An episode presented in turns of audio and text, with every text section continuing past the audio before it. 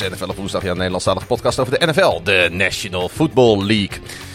NFL op woensdag is een productie van het Groningse podcastconglomeraat KVM Media. De tiende speelronde in de NFL stond weer garant voor spektakel. De Minnesota Vikings gingen op bezoek bij de Buffalo Bills en dat werd alles wat iedereen ervan had verwacht. Prachtige scores, turnovers en schokkende turnarounds. Als klap op de vuurpijl verloren de Philadelphia Eagles verrassend hun eerste wedstrijd van het seizoen. En de Chicago Bears en de Detroit Lions vermaakten het publiek op Soldier Fields.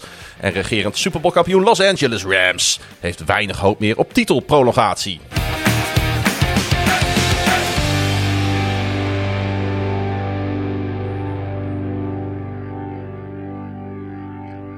Dat en nog veel meer in seizoen 3, aflevering 25 van NFL op woensdag. En aan de andere kant van de lijn hangt Noord-Brabant. Goedenavond. Goedemiddag nog. Goedemiddag, goedenavond. Uh, een ja, middagopname. Voor wanneer je ook luistert, in welke tijdzone je ook luistert, zouden we bijna kunnen zeggen. Want uh, het zit eraan te komen, Frank. Uh, onze trip naar uh, Baltimore. Ja, en de reden dat ik hier vandaag ben is dat, dat Pieter op weg is naar zijn Chicago Bears. die is op weg nu naar Schiphol, denk ik. Ja. En morgen vroeg vliegt hij richting Atlanta. Ja, hij gaat uh, nou, eerst naar Nashville, denk ik. Hij vliegt eerst naar Nashville. Spelen de Bears zondag niet? Uh, jawel. Atlanta al? Alleen hij gaat eerst even op bezoek bij familie in Nashville en dan rijden ah. ze naar Atlanta. Oké, okay, heel goed, heel goed. Even de familie opzoeken daar. Nee, um, inderdaad. Pieter die is, die is al vertrokken uit Groningen. Dus we moeten het even met z'n tweeën zien op te lossen in... ja, ik zou bijna willen zeggen een soort van onconventionele extra podcast. Want, ja, het, is, het, is, het houdt een beetje het midden tussen de extra aflevering voor de Patje.af uh, mensen en de reguliere aflevering. Uh, want we zitten nu ook aan tijd gebonden voor een keer. Misschien helpt dat ook om, uh, om het kort te houden. Nou, het zal wel um, moeten. Ik heb ook geen engagement uitgevraagd bij onze zeer gewaardeerde luisteraars, omdat ik er gewoon geen tijd voor heb. Ik ben nu ook eigenlijk in de tijd van de baas aan het opnemen. Dus, uh... Ja, ik ben net, het is uh, kwart over vijf, dus uh, mijn tijd van de baas is net, net afgelopen. Ja, je hebt een iets ander werkschema dan, dan, dan ik hier in Groningen. Nou ja, ik maakte wel even het grapje dat we nu in, in de, wat was het, de, de late evening window voor mij opnemen. Want jullie beginnen normaal een uurtje of zeven later dan, dan nu. Uh, dan heb ik de halve, halve nacht er al op zitten qua slaap. Ja, dus, ik heb uh, vannacht om half twee de Rooster Radio opgenomen. dat bedoel ik. dat is toch niet te geloven. Het was het enige goed, tijdslot waarop over... alle hosts konden. nog twee dagen werken allebei. En dan uh, overmorgen zien we elkaar hè, in Hoofddorp. Ja. Om uh, vrijdag naar, uh, naar New York te vliegen. Ja, ik denk heb je er een beetje zin in? Ik heb er heel veel zin in. ik, ik, ik heb al een paar van die visioenen gehad. Als je begrijpt oh, wat ik bedoel. Visioenen. Ja. Neem de luisteraar even mee in, uh, in jouw visioenen. Nou, ik, wij, wij hebben dus besloten om uh, niet met de trein van New York naar Baltimore te reizen, maar uh, om een busje te huren, zo'n zo, zo minivan. En we zijn met z'n zevenen. En ik, ik kijk nu al uit naar het moment zeg maar, dat we voor het eerst uit de parkeerplaats van het autoverhuurbedrijf de highway oprijden. En wij, la wij landen op New York, Newark. Ja, en wij gaan dus uh, we gaan eerst even naar het uh, MetLife Stadium. Dus we gaan eerst naar New Jersey, East Rutherford. En ik uh, kan me zo voorstellen dat dat is onder de klanken van Journey's Don't Stop Believing. als je dat ergens moet draaien, dan is het in New Jersey. ja, je hebt, je hebt een podcast, of je hebt al een podcast gemaakt. Je hebt ook een playlist gemaakt, zag ik. Daar heb je dan tussendoor nog even zo'n, zo'n, in een vlaag van verstandsverbijstering, duw jij even 40, 50 nummers in een Spotify playlist. Ja. Maar hij luistert uh, aardig weg, moet ik zeggen. Dat, ja. uh, complimenten daarvoor. Ja, het is, een, uh, het is een variabele lijst, dat wel. Maar wel lekkere roadtrip nummertjes. Want nee, ik, ik, echt, ik heb gedroomd vannacht over Don't Stop Believing van Journey. Waarom? Dat is natuurlijk de endsong van The Sopranos. Allerlaatste scène in die serie. En dat speelt zich precies eigenlijk af waar wij landen. Hè, die, dat, ja, dat speelt klopt. zich af in Newark. Dus uh, ja. ik, ik, ik, ja, ik kan, kan me er nu ontzettend op verheugen dat, uh, dat we dat gaan draaien. En ook even, want ik ben nog nooit bij het stadion eigenlijk geweest daar van de Jets en de Giants. Jij wel? Nee, ik ook niet. Nee, nee. Misschien... ook niet. In alle keren dat ik in, uh, in New York was, werd nooit gespeeld. Dus nee. voor ons ook een eerste. En we hebben natuurlijk één Jets-fan bij ons. Ja. Het zijn zes Ravens-fans en één arme uh, Jets-fan. Dus die moeten we ook even aan zijn trekken laten komen. Ja, en uh, wij willen er zelf ook wel heel graag even langs. Misschien, kunnen we, misschien mogen we wel even een kijkje in het stadion nemen. Ik weet niet zeker. even een uh, Breeze Hall jersey scoren. als Iowa State alumni moet dat natuurlijk ook. Dus, en natuurlijk als steun, aan, wel mooi. Als natuurlijk als steun aan hem. Hey, daarna rijden we gewoon naar Baltimore toe. En dan gaan we heerlijk op zaterdag college voetbal kijken. Even buiten Baltimore, tussen Baltimore en Washington DC in. Ohio State komt op bezoek bij Maryland. Ja, en daar hebben we dus ook een, een heel duur tailgate ticket gekocht om onze gehuurde minivan uh, zo dicht mogelijk tegen het stadion aan te zetten. Ja, ik ben heel benieuwd wat, dat, uh, wat dat weer allemaal gaat opleveren. En we gaan zelf natuurlijk tailgaten, want uh, we gaan natuurlijk even een grote Walmart of, of zo opzoeken. Of zo'n andere groot concern in Amerika. En dan gaan we even inkopen doen. Ja, heerlijk. Maar misschien dat onze grote vriend Colin, die komt ook. Hè? Misschien dat we ook dat zaterdagochtend wel gaan doen, want de wedstrijd begint toch nu om half vier s middags pas. Ja. Dus, en we gaan naar de nummer 1 kroeg ter wereld. Ja, want Max's Stephouse in Baltimore is uitgeroepen tot... Uh, enkele van onze luisteraars, weet ik, die zijn daar uh, wel eens geweest. Ja, en iedereen is, uh, is, is natuurlijk zeer positief daarover. Want ja, leg eens uit, waarom is het zo'n goede kroeg, Frank? Ja, ze hebben altijd, volgens mij zijn het 84 verschillende bieren op tap. Nee, meer. Uh, nou, weer verschillend. Hè? Laten we, ik, ik, wil niet, uh, ik wil je niets overstellen. uh, ik weet dat het heel makkelijk is bij Lexus Stephouse als er twee, uh, twee Ravens-fans eh, over die kroeg praten. Maar het is gewoon alles wat je verwacht van een, van een Amerikaanse sportbar. Ja. Dus een lange bar met heel veel bier op tap, overal schermen, goed eten, twee verdiepingen. Ja, het is, het is, ja, volgens mij ben ik de laatste aantal keren niet e- een, 24 uur in Baltimore geweest zonder daar even naar binnen te lopen.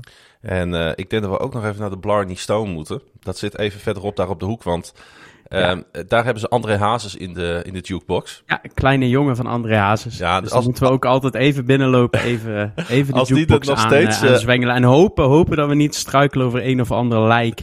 Uh, of overblijfsel daarvan, want er wordt regelmatig iemand uh, omgelegd uh, in die kroeg. ja, toen wij er waren de vorige keer stonden de kruidstrepen nog op de vloer. ja, dat is, ja dat, dat, dit klinkt ook als een sterk verhaal, maar het is echt zo. het was echt waar. De, de, de, de, de overblijfselen van de vorige liquidatie, die waren nog zichtbaar in, in het café. Maar omdat André Hazes daar in de jukebox zit, het een heeft misschien iets met, uh, met het ander te maken, dat weet ik niet.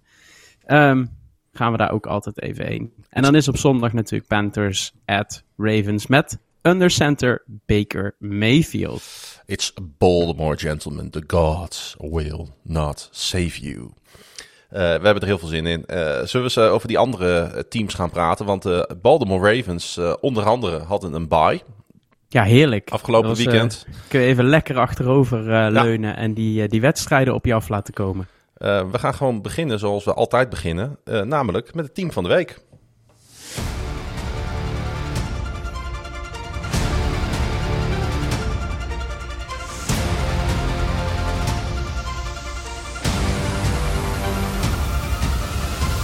De Minnesota Vikings zijn het team van de week geworden. Want ja, alles wat we ervan gehoopt hadden kwam uit. Hè. Twee van de topteams in de NFL speelden een legendarische wedstrijd in Orchard Park, New York. En de Vikings maakten grif gebruik van de drie turnovers door Bills quarterback Josh Allen in het laatste kwart en overtime. De Bills stopten binnen de laatste minuten Vikings op fourth and goal op de half-yard line. Met balbezit dus voor Buffalo en een bijna zekere overwinning. Op de volgende play mafte Allen echter de bal. De snap kwam van center Mitch Morris en Minnesota linebacker Eric Hendricks die veroverde in de endzone de bal. Touchdown dus. En verlenging. Ja, wedstrijd van het jaar, eh, Frank. Ja, wedstrijd van het jaar. Uh, dit was pure reclame voor de sport. Alles, uh, alles zat erin. Natuurlijk, je noemt al de, de turnovers, maar ook het goede begin op offense van, van Minnesota. De comeback van de Bills, die toch niet onfeilbaar bleken. En ja, uh, iedereen weet het. De Vikings staan bekend om close games te verliezen. Al die jaren. Maar dit jaar, uh, dit jaar is anders. En achter een fantastische O-line wist Cousins met name Jefferson te bereiken.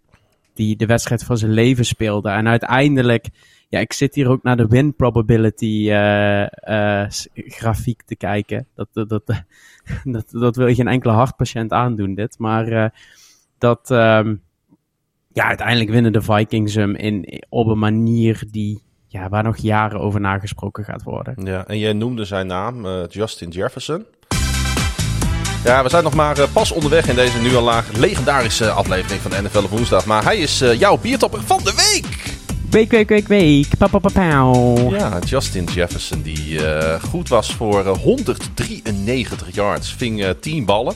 Waaronder natuurlijk die prachtige one-handed grab. Hè, waardoor uh, ja, de Vikings ook in de wedstrijd bleven. Op dat moment had hij die bal niet gevangen. Was alles wat daarna gebeurd was waarschijnlijk niet gebeurd, Frank. Ja, het was, het was ongekend. En het was of... Het, Justin Jefferson is natuurlijk de absoluut logische biertopper van de week. Want deze, wat deze man als wide receiver laat zien, ja, dat, dat komt gewoon in het rijtje van, van de grote de aarde. Dat is, dat, dat is wat we zagen van, uh, van Megatron hiervoor en, en, en spelers van dat kaliber. Die op gewoon het hoogtepunt van een carrière dit soort cijfers laten zien, week in, week uit. En ja, Jefferson speelde fantastisch. Stephon Dix maakte ook in de eerste helft een vergelijkbare, vergelijkbare catch. Maar toch viel die in het niet bij wat Justin Jefferson zei. Met, met, met uitstek de beste catch van het jaar. En ja, 193 yards, 10 receptions, 1 touchdown. Dan ben je voor mij uh, zeker in deze wedstrijd waarin er al zoveel kwaliteit op het uh, veld staat en je er dan toch zo ver bovenuit steekt, ja, dan ben je terecht de biertopper van de week. De man die natuurlijk uh, naar Minnesota kwam, doordat ze een draftpick kregen van de Buffalo Bills, hè, de, de pick voor Stephon Diggs, nou, dat was wel een van die storylines natuurlijk in deze wedstrijd, hè? Ja, dat is, dat is absoluut de storyline. Twee redelijk vergelijkbare spelers. Uh, en misschien is het wel de meest equal trade in NFL history. Ja, Want ah, twee Dix was, degene, was de receiver die, die Allen nodig had. En Jefferson was de receiver die de Vikings nodig hadden. En ik denk dat ze allebei geen moment spijt hebben van, van die trade. En dat ze er allebei eigenlijk net zo, uh, net zo blij mee zijn. Want Stefan Dix, ja, 12, 12 reception voor 128 yards. Het is Gabe Davis die tegenwoordig daar de touchdowns maakt. Maar dat komt alleen maar omdat uh, Dix bijna altijd uh, in ieder geval ja, double coverage heeft waardoor anderen kunnen, kunnen excelleren. Een andere um, mogelijke biertopper van de week, zat ik me nog te bedenken, was eigenlijk uh, kicker Greg Joseph. Want die miste dus op um, 27, 23 miste hij de extra point na de touchdown, waardoor het een vierpunt game werd in plaats van een driepunt game. En daardoor begon, moest Minnesota een touchdown maken aan het einde van de wedstrijd om hem te winnen. Want een field goal was eigenlijk niet meer genoeg. En daar kwam eigenlijk die knotsgekke, kolderieke uh, slotfase uit voort. Ja, het was echt uh, krankzinnig. Ik zat te kijken natuurlijk in uh, proeflokaal Hooghout gedempte Zuiderdiep 61 in het prachtige Groningen. En uh, ik, ik kon ook niet, ik weet niet of jij het ook live gezien hebt op Red Sound. Ja, tuurlijk. Nee, ik, ben zelfs ik, op een kon niet, moment ik kon niet meer blijven zitten, zeg maar. Om dit te kijken. Ja, dit, dit, er zijn wedstrijden waar je over... Uh, denk aan Bills Chiefs vorig jaar. Mm. En ooit ook uh, Chiefs tegen de Rams, die 54, 51, 52 of zo. Maar dat, dat, wa dat was een shootout. De Bills uh, tegen de Chiefs vorig jaar was puur op, op quarterback play. En dit was eigenlijk veel meer all-round. de Bills die, die goed beginnen met... of de, de, de Vikings die goed beginnen. Snel een een touchdown scoren via Jefferson. Daarna Singletary eigenlijk met twee touchdowns, ook nog in het eerste kwart. En dan denk je dat zo'n wedstrijd gaat lopen zoals je verwacht dat die loopt. Namelijk dat de Bills thuis gewoon uh, hun zaakjes op orde hebben en winnen. Staan ook gewoon de welbekende 17 punten voor uh, in het derde kwart. Want dat, dat is wel het verhaal van, van afgelopen weekend. Ik werd daar in een andere podcast ook op gewezen. Heel veel teams dit jaar die 17 punten voor staan, winnen uiteindelijk uh, de wedstrijd uh, uh, niet. Vorige week nog, hè? De, de uh, Jackson, Jacksonville Jaguars bijvoorbeeld, die kwamen terug van 17 punten achterstand. Kan ja, precies, precies. Ja. En zo, zo, zijn er een aantal voorbeelden. Maar je ziet met name dat vierde kwart, ja, of, of eigenlijk gewoon naar rust. Um, de Bills scoren volgens mij al zes wedstrijden dit seizoen geen enkele touchdown na rust. Ja. En dat is toch een zorgwekkende staat. En vorige week stelde uh, Niels Habraken de vraag in, in jullie podcast hoe uh, belangrijk het was voor die, voor die divisie en hoe nadelig voor de Bills dat ze 0-2 in de divisie stonden. Nou ja, je kan het nu uittellen. Uh, door dit verlies komen ze achter um, achter de Dolphins te staan. En volgens mij staan ze nog wel boven de Jets. Maar dat komt omdat er een three-way tie is tussen de Jets, de Ravens nee, en nee, de... Nee, de, de Bills staan uh, derde in de divisie. Oh ja, dat klopt. Ja, die hebben ja, namelijk klopt. Uh, vorige week van de Jets verloren. Je kan in een situatie komen dat mochten de Ravens de divisie niet winnen, krijg je een, kun je een three-way tie krijgen tussen de Ravens, de Jets en de, en de Bills. Um, maar daar, daar, daar zijn we nog lang niet. Maar... Um, nou ja, ja wat je eigenlijk gewoon zegt, het, het, het, het, schuift helemaal in elkaar.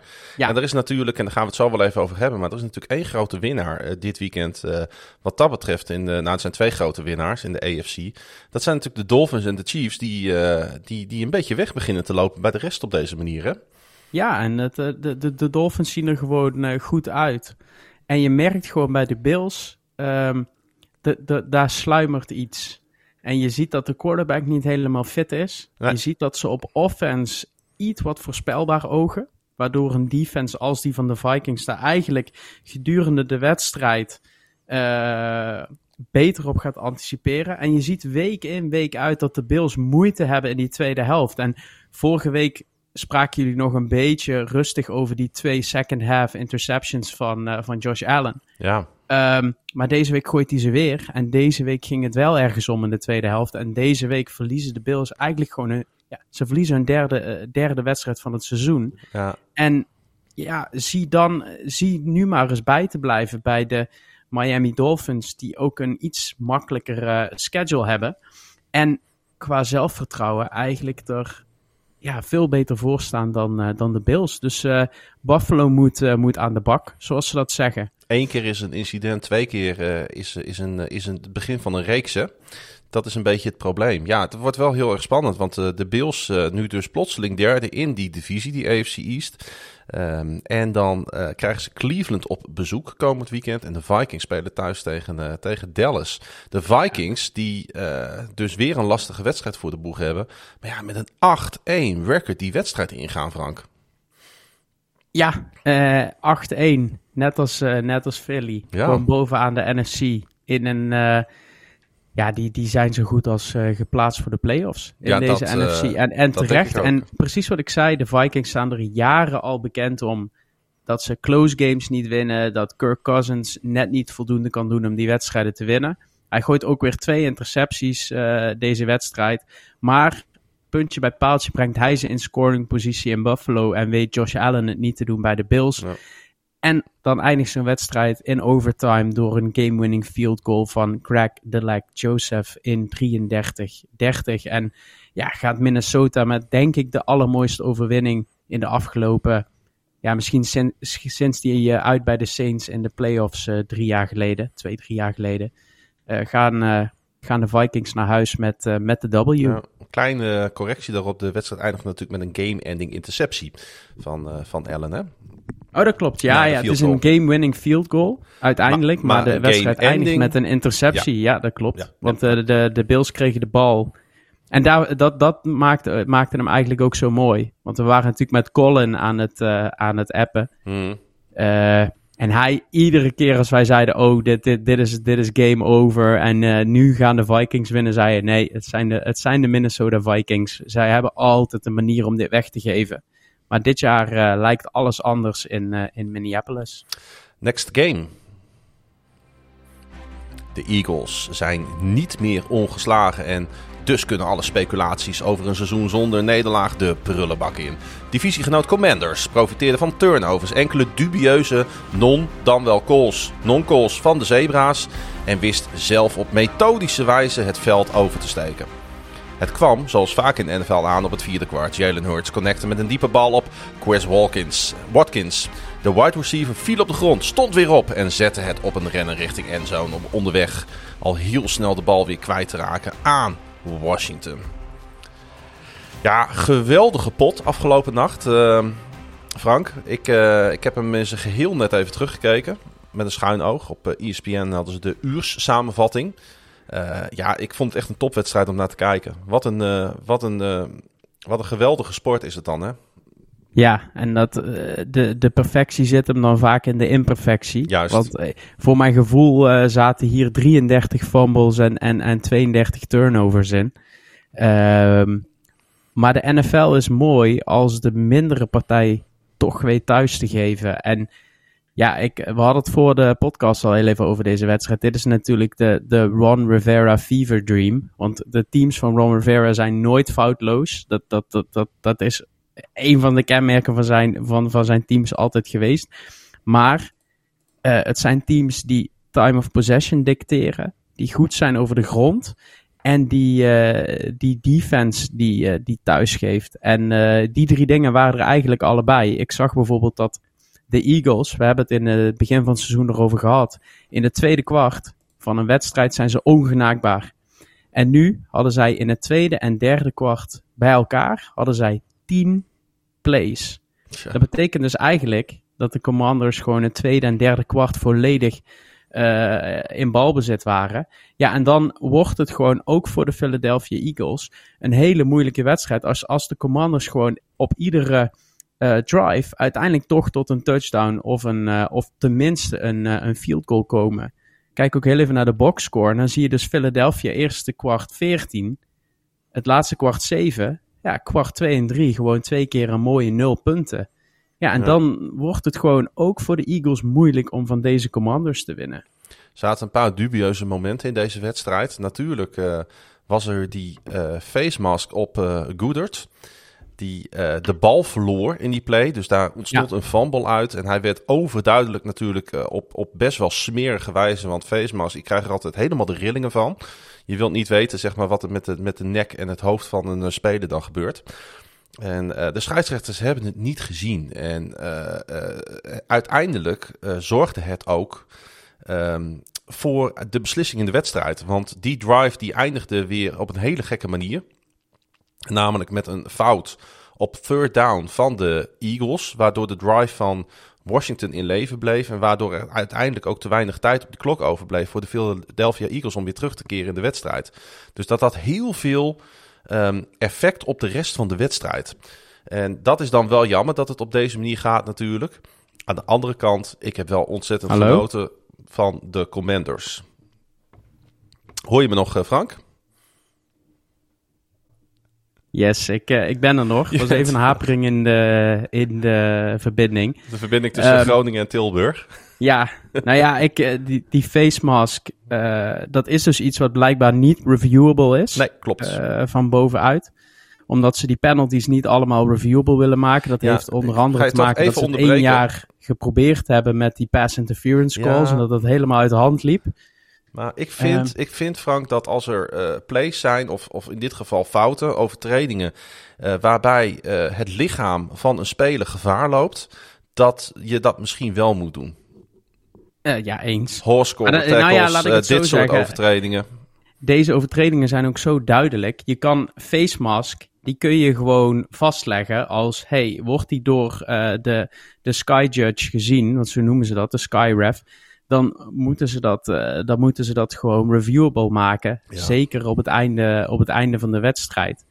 En zo had je bijvoorbeeld ook bij de, bij de Bills. Op die uh, laatste goal, uh, goalplay van de, van de Vikings. Waarop ze uiteindelijk dus mm-hmm. niet, die, niet die touchdown maken. Ja, daar stonden, stonden Bills gewoon met 12 men on the field. Ja, klopt. Ja, dat, dat zijn van die dingen. En de andere was ook die uh, die catch, volgens mij was het Gabe Davis, die die bal uh, van Allen vangt op die laatste gelijkmakende drive voor die, voor die field goal. Ja, dat is gewoon geen catch. Nee. Hij laat die bal gewoon los. Maar doordat de Bills zo snel no huddle gaan en meteen een volgende play doen, is hij dan niet meer reviewable. Terwijl het eigenlijk overduidelijk is dat dat geen catch is. En waar de NFL heel goed is in reviews en dat de tijd voor nemen en eigenlijk ook best snel tot beslissingen komt, Zeker vergeleken met de VAR in het uh, voetbal af en toe. Um, zie je gewoon dat daar toch ook daar nog wel een en ander aan schort.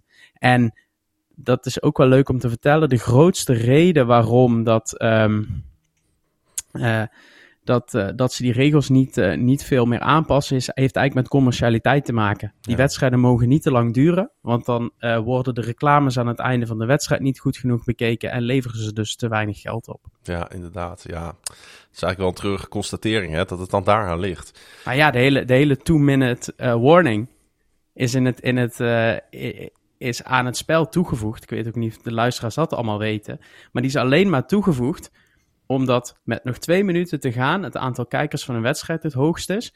En ze dan dus voor het meeste geld reclame kunnen verkopen. En daarom bestaat de two-minute warning om dan nog reclameblokken in te doen. Dat heeft niks met het American football te maken. Het is wel, heeft het spel wel veranderd natuurlijk, hè, met een extra time-out uh, dus uh, in principe hè, voor, uh, voor de aanvallende ploeg. Um, ja, klopt. Hey, bij, de, bij, de, bij de Commanders startte Taylor Heineke natuurlijk als quarterback. Hij vervangt nog altijd de geblesseerde Carson Wentz, de voormalig Eagle, die natuurlijk een grote rol heeft gespeeld in het behalen van die Super Bowl een aantal jaar geleden.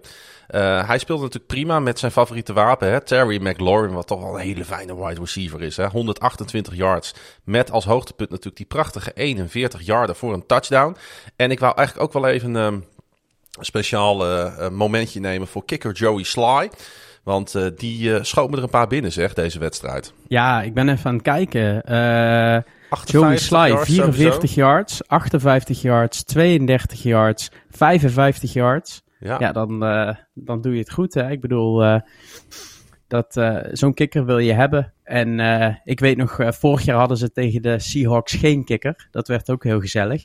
maar dit, van gisteren was het fijn dat ze hem, dat ze hem hadden.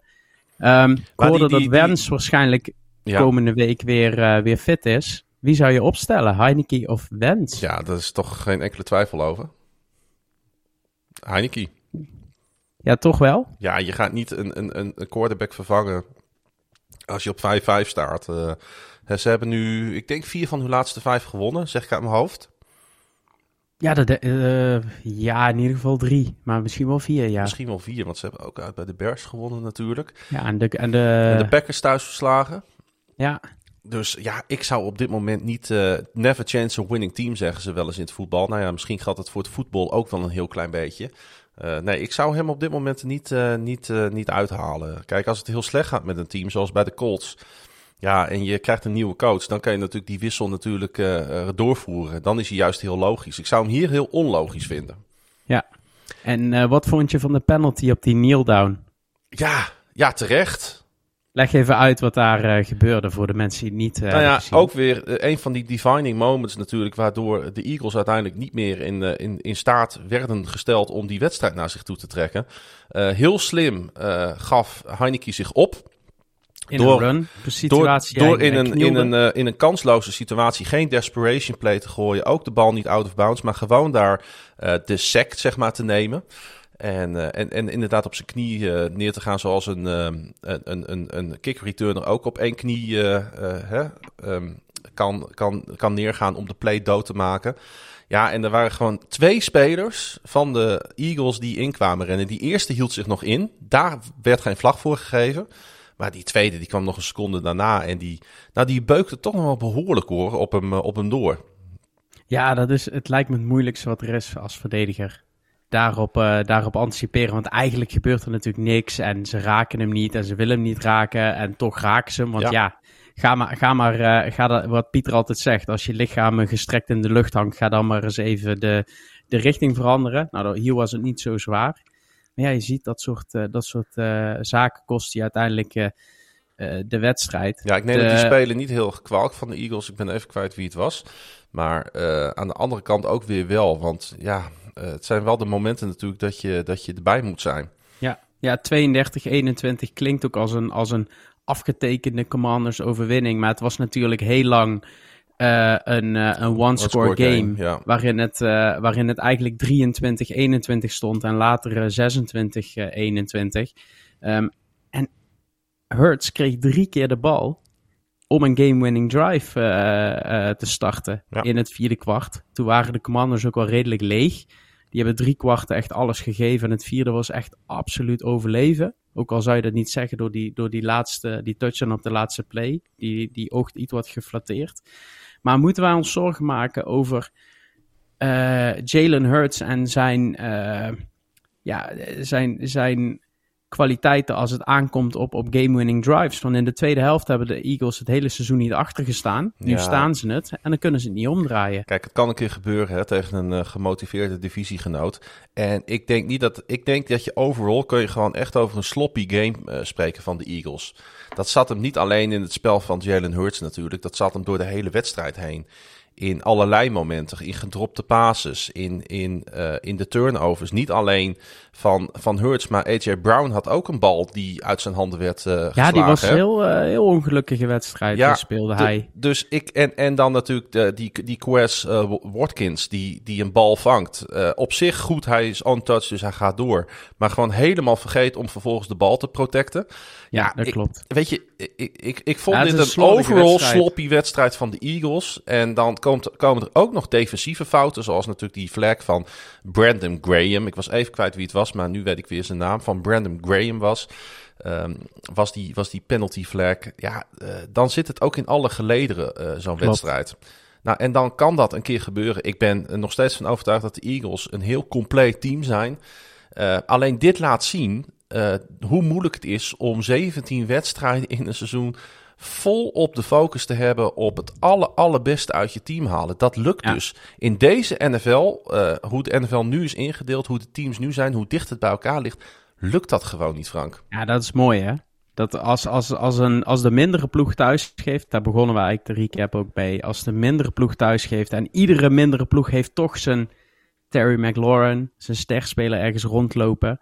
Ja. Um, ja. ja, dan, kan, dan kan in de NFL eigenlijk, uh, eigenlijk alles. En ja, als ik ook zie waar ze de komende wedstrijd tegen spelen. De Commanders die spelen zondag dan een uitwedstrijd in Houston. Klopt, ja. Dat is, dat is een winnable game. Zouden ze zelfs naar 6-5 kunnen. En de Eagles, dit, dit, dit, heeft gewoon zeg maar upset alert all over. Die moeten naar Indianapolis. Dus dat wordt of de get right game. Of uh, ja, misschien een, een, een upsetje bij die rare Indianapolis Colts. Ja. Na de wedstrijd was Commanders coach Ron Rivera erg emotioneel. Ik weet niet of je de beelden hebt gezien. Nee, hij werd, nee, heb uh, hij werd eerder dit jaar natuurlijk schoonverklaard uh, na kanker. En onlangs overleed zijn moeder. Um, en ik vond het wel heel mooi, want hij stond klaar in de kleedkamer om te speechen.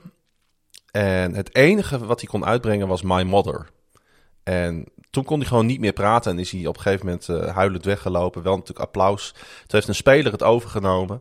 En die zei ook van ja, als jullie nou kijken jongens, hoeveel het met deze coach doet, dan, dan, dan, dan willen wij toch dit team zijn, wat wij vanavond zijn geweest.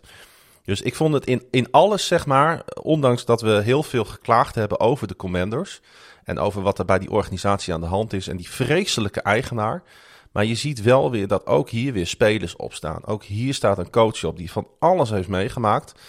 Ik, ik, ik, ik kan er niks aan doen, maar ik krijg dan wel weer sympathie voor zo'n team. Ja, maar ik denk dat we de sympathie. Uh, ja, de, de, er is geen, geen team waarbij de sympathie zo gesplitst is. Juist. Want je hebt uh, gewoon een complete hekel aan, aan het back-office en leadership en al die mensen. Um, die die organisatie de afgelopen jaren gewoon de vernieling in geholpen hebben. Maar de coachingstaf en de spelers die daar gewoon iedere dag op dat trainingsveld staan. En die fans die loyaal naar dat stadion blijven komen. Ja, daar heb je een zwak voor. Dat, ja. dat, dat, heb ik net zozeer als, eh, als dat jij die hebt. Goed, de Commanders winnen dus en uh, gaan naar 5-5. En dat betekent dat volgens mij op dit moment ieder team in die divisie op een playoff plek staat.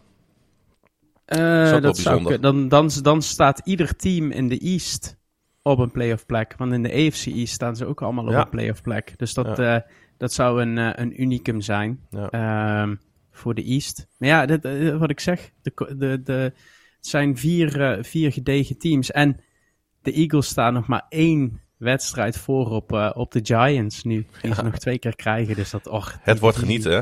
Het wordt eindelijk een keer genieten in de NFC East. Ja. We gaan naar uh, Duitsland, want uh, Tom Brady noemde het een van zijn meest memorabele wedstrijden ooit. En dat zegt nogal wat, hè? Van een quarterback die al deze hele eeuw rondloopt in de NFL en zeven keer de Super Bowl won. De Allianz Arena in München was decor voor de eerste NFL-wedstrijd ooit in Duitsland. En het publiek, gekleed in jerseys van alle 32 teams, genoot met volle teugen. En tijdens het Duitse volkslied waren er enkelen die een traantje wegpinkten. Voor Brady was het uh, de vierde wedstrijd buiten de Verenigde Staten, regular season. En net als de voorgaande won hij ook deze. De Tampa Bay Buccaneers zijn nu 5-5 en versloegen met 21-16 de Seattle Seahawks, die nu 6-4 zijn. De drievoudig NFL MVP gooide twee touchdowns op Julio Jones en Chris Godwin. En running back Leonard Fournette rende een derde binnen. Ja, de NFL in Duitsland... Uh, Dat moet jou als, als Duitsland-liefhebber, moet dat jou zeer aanstaan, Frank. Ja, dat, dat doet mijn hartje sneller kloppen. Ik, ik, was, ik was zelfs middags, had ik andere verplichtingen, maar ik kon niet laten om af en toe even, even wat beelden mee te pakken. En ja, het, ik zag ook een aantal trouwens van onze luisteraars op Twitter die erbij waren. Ja, dat zag er echt fantastisch uit. Ik weet wel, het is niet zoals in Amerika. Maar als je op, op, op, op 10 uur treinen of, of 6, 7 uur rijden van Nederland uh, zo'n feest mag meemaken. Je zou bijna zonder kaartje naar, uh, naar München afreizen, zei ik al tegen Pieter de vorige keer. Ja, ik heb ook genoten van alle, alle footage uh, deze week van, van NFL Network. Want die ja. Amerikanen doen dat dan wel weer goed. Hè. Daar, hebben ze zo'n, dan moeten ze allemaal raden hoe Duitse gerechten heten. En dan staan ze daar op, al, op dat Marienplatz daar in, in München. Wat natuurlijk de perfecte stad is voor die Amerikanen. Want er staat natuurlijk bol van de oude gebouwen en de bierkartens en de hoofdbrouwhuizen. En dan, ja, dat, daar gaan ze allemaal goed op. En ik denk dat de Amerikanen stiekem ook wel een beetje onder de indruk waren van de manier waarop Duitsland daar hun visitekaart. Want eigenlijk heeft de NFL niet het visitekaartje aan Duitsland gegeven, maar heeft Duitsland zijn visitekaartje aan, aan de NFL gegeven. En ook als je zag hoe die reporters uh, na de wedstrijd en, en onder de wedstrijd onder de indruk waren van het geluid in het stadion, uh, de, de beleving van die spelers. Ik zag, ik zag zo'n beeld waarbij Julio die eerste touchdown binnenrende. De, de, de roar, het, het geluid van dat stadion. Ik ben er zelf een aantal keren geweest, uh, gewoon voor een, voor een voetbalwedstrijd. Volgens mij kon het daar niet, kon het, kan een voetbalwedstrijd daar niet aan tippen. Gewoon de mensen waren uitzinnig van vreugde. En ja, die spelers die werden eigenlijk gedragen tot niet de spannendste wedstrijd van het jaar. Maar ze kregen wel wat, wat ze wilden, namelijk een, hoop touchdowns en, en best wel kwalitatief goed, uh, goed voetbal. En dat moet ook gezegd worden van het hele jaar. Die overseas games zijn eigenlijk allemaal goed. En dat betekent dat de teams toch betere manieren vinden om zich op die wedstrijden voor te bereiden. Ook minder last hebben van dat, dat tijdsverschil. En gewoon beter kwalitatief uh, voetbal uh, in Europa op, uh, op de mat leggen. En ja, daar was zondag een, een prachtig voorbeeld van. Ja, Saints Vikings was natuurlijk ook al zo'n fantastische wedstrijd in Londen een paar weken geleden. Dus ja. wat dat betreft past deze in het rijtje van dit jaar. Nou ja, ik heb ook genoten van München en van het publiek. En ik dacht, waarom niet de Duitsers de Bierstern de Woche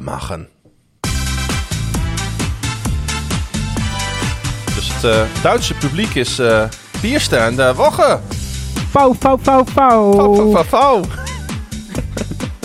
oh, dit is heel slecht. Ja, die Bierstern der Woche. Fauw, fauw, fauw, fauw. Een van de weinige dingen die ik wel heb voorbereid voor deze aflevering. Ja, maar ook wel terecht. Uh, dat is alles is Duitsland uh, in NFL-land uh, deze woche. Dus het, ja, het, de, het publiek verdiende het. We hebben natuurlijk allemaal die beelden gezien van Country Roads, maar ook met z'n allen. Dat hadden ze ook goed gedaan. Hè? Red zone op het scorebord en buiten het stadion. En dat was de manier om mensen in, in, niet met z'n allen het, het stadion te laten verlaten. Zet gewoon red zone aan. In het stadion. Dan blijven mensen gewoon zitten. Biertje drinken. En, en ze hadden Journey met, uh, met Don't Stop Believing op een gegeven moment opgezet. Nou, ja, dat, heb ik, dat heb ik nog nooit... Ik denk zelfs bij een Journey concert dat het nog nooit zo hard is meegezongen. Nee, ja, het, het, was gewoon goed. En we kunnen, we kunnen uren over die wedstrijd praten, maar daar gaat het helemaal niet over. Uh, het, ging, het ging dit weekend over, over Duitsland en, en de NFL. En ja, nou, wat voor product dit aan het worden is ook hè, ja, voor Europa. En, en, doorslaan succes. Ja, en wat, wat, wat dit ook gaat betekenen voor... Kijk, ik, ik ben nu natuurlijk met mijn nieuwe baan begonnen bij, uh, bij Flashscore. En uh, dan mag ik ook over de NFL schrijven. En ze hebben er zelfs voor gekozen vanuit de, de hoofd, de, de eindredactie, moet ik zeggen. Ik ben zelf de hoofdredactie. Vanuit, vanuit de eindredactie hebben ze, uh, hebben ze zelfs besloten om gewoon op onze Nederlandse website gewoon een heel blok NFL in te bouwen. Omdat ze gewoon ook zien wat voor potentie dat in Europa heeft. Ja, en ze hebben gewoon een hoofdredacteur die daarover kan schrijven. Nee, dat weet ik wel. Tuurlijk is dat zo dat, dat ik daarover kan schrijven. Maar weet je, de, urgentie uh, rondom deze sport. En wij zitten natuurlijk in een bubbel. En dat, dat, dat, ik ben de eerste die dat toegeeft. Maar is volgens mij echt wel aan het toenemen. En ik hoor het ook gewoon steeds meer om me heen dat mensen het zitten te kijken en uh, uitleg willen en, en, en een favoriet team aan het kiezen zijn. Uh, ja, zeg het heel vaak. En niet meer zo belachelijk praten, vooral over de NFL en over Amerikaanse sportbeleving. Want heel veel mensen, uh, met name zeg maar de, de, de voetbalfans, die doen toch vaak wat laagdunkend over Amerikanen en, en, en sfeer in stadions. En oeh, als we maar niet naar een Amerikaanse sfeer gaan, denk ik nou, ik vind die enge ultrasfeer die we in alle stadions monotoom hebben, vind ik ook een beetje eng. Maar goed, dat ben ik. Ik ben het met je eens. Uh, het, het, is ook veel gezelliger. Als iedereen een beetje normaal met elkaar omgaat en uit en thuis door elkaar zit en dat gewoon kan. Want wij zitten volgende week ook geheid naast een aantal Panthers-fans uh, in Baltimore. En uh, Die ja, gaan we dan, knuffelen. dan haal je een potje bier voor elkaar. En voor en na de wedstrijd ga je als even goede vrienden de tribune op en af. Dus ik, ik ben dat met, met je eens. Even toch terug naar de wedstrijd, want ik vond de Buccaneers uh, een stuk uitgebalanceerder spelen dan de afgelopen weken. Ik heb ze vrij veel gezien. Dus ik heb natuurlijk ook die volledige wedstrijd tegen de Baltimore Ravens gezien.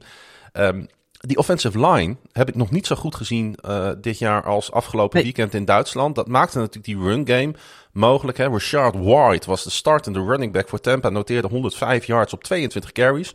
En eigenlijk speelde Brady ook best wel uh, goed op een paar gekke foutjes na.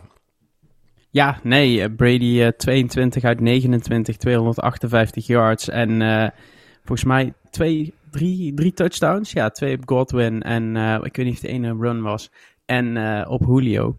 Ja, dit was gewoon Brady. En je zag ook wel weer dat dit deed, dit deed de Bucks goed. Ik denk dat het voor Brady ook fijn was om even uh, elders te zijn. Hm. Om even, even weg te zijn. Er ja, komt nu een bye week aan. Ze staan 5-5. Ze staan bovenaan in de divisie. Ja. En er is eigenlijk niks aan de hand. Want als de Buccaneers dit volhouden, ja. ja dan gaan ze die divisie gewoon, uh, gewoon winnen. Um, moeten ze wel die hele gekke play call. Daar moeten we het natuurlijk wel even over hebben. De beschuldigde play van het jaar als we, als, we het toch over uh, Justin Jefferson's catch van het jaar hebben, dan is dit uh, de interceptie van het jaar. Um, de snap op Leonard Fournette met Brady uh, als wide receiver, die vervolgens uitglijdt. Waardoor Leonard Fournette, ja, ik weet niet of hij hem überhaupt gevangen had, hele matige bal gooit. Die wordt intercept. En dan Brady, die krijgt een flag voor tripping daarna, ja, was echt, uh, de, de, dat was de, de, de hilarische play van het, uh, van het jaar. Ja, Tariq Woolen uh, speelt een oh, ja, die ving hem, ja. fantastisch seizoen bij de Seattle Seahawks. Ik ben ontzettend fan van deze jonge rookie cornerback bij Seattle, maar deze kreeg hij gratis, deze interceptie, hè? ja, ongelooflijk, joh. Ik, ja, je moet er terugkijken om het te geloven, maar het zag er, het zag er kolderiek uit. En ja, voor, voor, weet je wat het ook was? Er zat ook een verschil in. Ik heb Brady natuurlijk ook tegen de Ravens gezien. En daar zat heel veel frustratie hm. in, uh, in, het, in het team. En je zag ook al tegen de Rams, de eerste helft was dat er ook nog wel. Op het einde winnen ze dan die wedstrijd. Maar die frustratie die was nu allemaal weg. Het was net of deze wedstrijd in een andere league gespeeld werd. En dat de uitslag voor, voor de Buccaneers even niet, niet uitmaakte. Zo speelden ze. Het leek een, het leek een soort. Uh, ja, ze, ze speelden zonder druk. Ze oogden, wat jij zegt, uitgebalanceerd. En Seattle speelde niet eens zo slecht. Um, maar kon het gewoon niet bijhouden. Ze hadden hun dag niet. Het was net niet wat, wat je wilde. Want als je naar Geno Smith kijkt, ja, gewoon 275 yards, twee TD's. Um, maar met name uh, de rushing ja, op, op, waar, de, waar de Ravens volgens mij 188 yards in de tweede helft uh, renden mm. op de, op de Bucks. Had nu volgens mij Geno Smith was de leading rusher met, uh, met 22 yards. Ja, dus ja, dat vertelt het. En als de Bucks de bal niet kunnen rennen. Dit is het verhaal kan... van het hele seizoen, Frank. Niet alleen bij de Seattle Seahawks, maar van heel veel teams. We ja. hebben al vastgesteld op dit moment in deze league met bijna in iedere wedstrijd een mobiele quarterback. Als je je run game niet uh, kan leveren, Nee, dan krijg je, je tegen al die teams die mobiel zijn een ontzettend groot probleem. Ja, dat klopt. En dat was deze wedstrijd uh, inderdaad weer te zien. En uh, was toch, toch even een klein momentje nog uit deze wedstrijd halen. Voordat we verder gaan. Want Brady was nog maar drie worpen verwijderd van het NFL-record van Aaron Rodgers. Oh ja, dat klopt ja. Voor opeenvolgende passes zonder interceptie. Dat stond op 402. Ik was dat even kwijt, dat aantal voor in de voorbeschouwingspodcast afgelopen vrijdag. Maar Brady bleef steken op 399, want hij gooide op dat moment, terwijl hij nog maar drie balletjes verwijderd was van dat record, een interceptie. Waardoor ook het momentum in die wedstrijd even verschoof hè, richting Seattle. Ja, dus toen werd het, uh, toen werd het toch nog spannend. Het was een one-score game.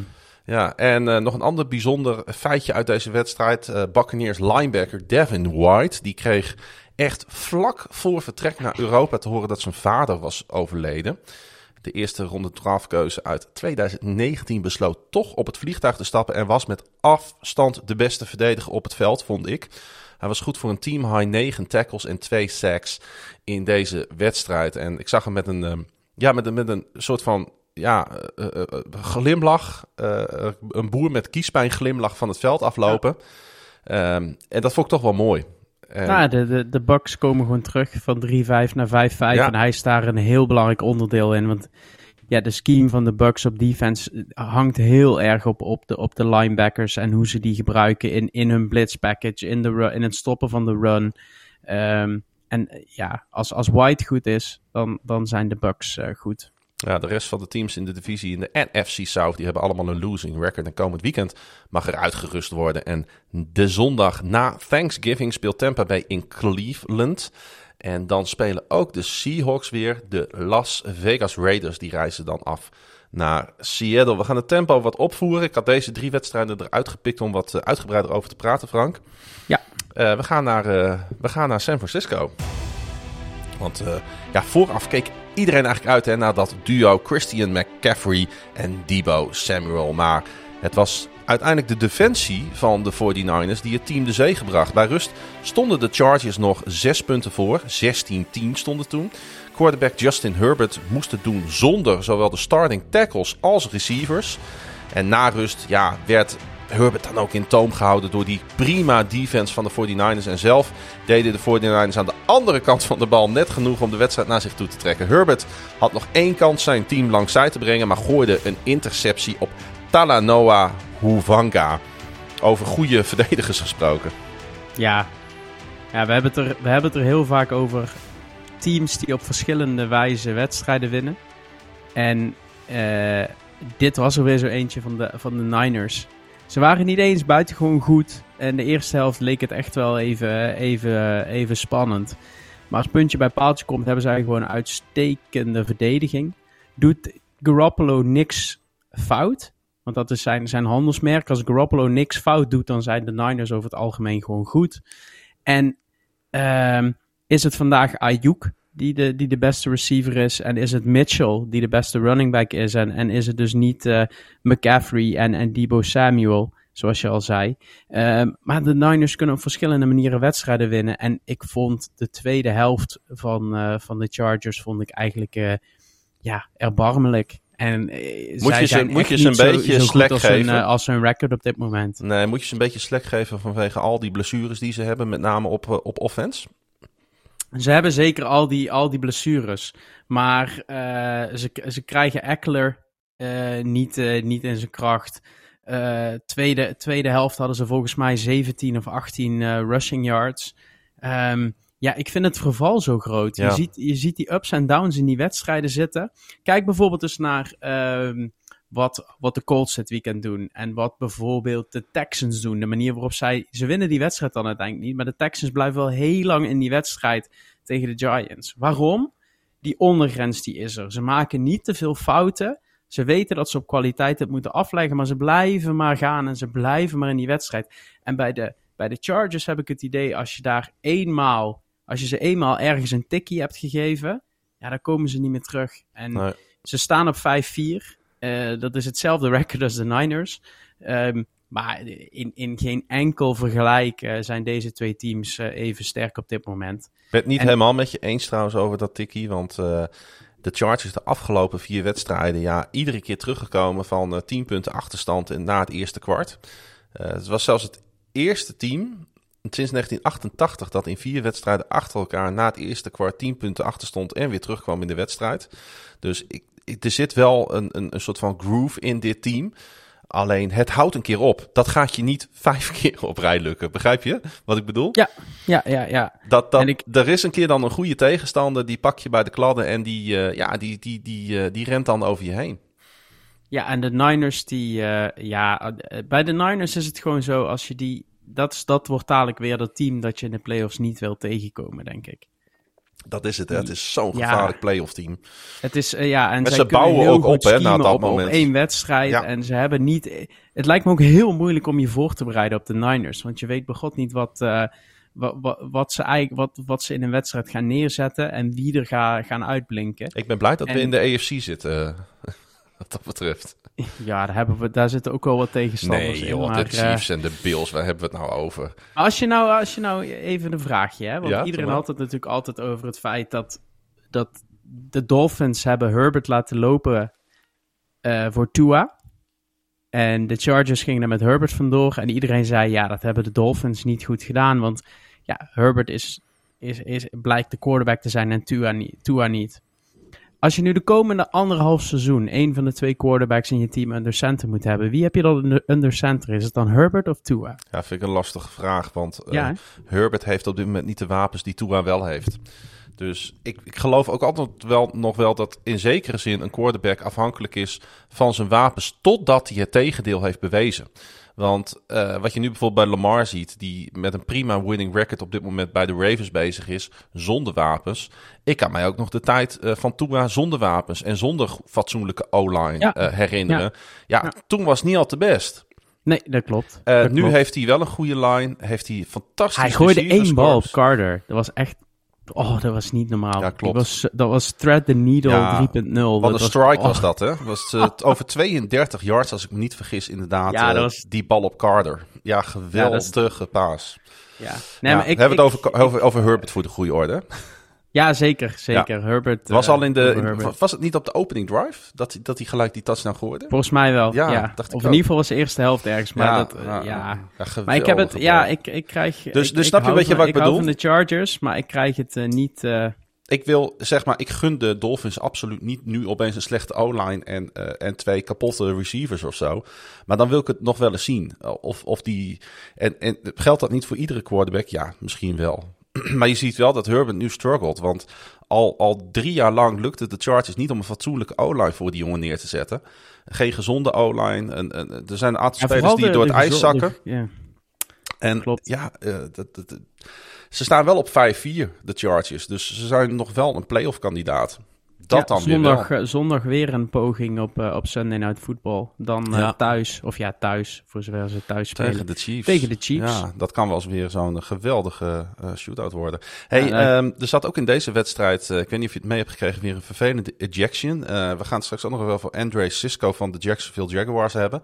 Maar uh, Niners linebacker uh, Dre Greenlaw, geweldige ja. naam, had een, had een hele... Ja, ik, ik word er niet, niet goed van. Ik word er echt naar van als ik ernaar zit te, uh, zit te kijken. Een helmet-to-helmet hit op Herbert. Die ook even de wedstrijd moest verlaten. Hè. Chase Daniel kwam zelfs voor een... voor een aantal plays uh, vlak voor rust het veld in om, uh, om de wedstrijd, of de eerste helft moet ik zeggen, af te maken. Uh, ik heb er een paar gezien afgelopen weekend. hoe kan het nou dat, dat, dat dit nog steeds zo heftig voorkomt in deze NFL. Want het, het, is, het is echt om, om, om te kotsen, hè?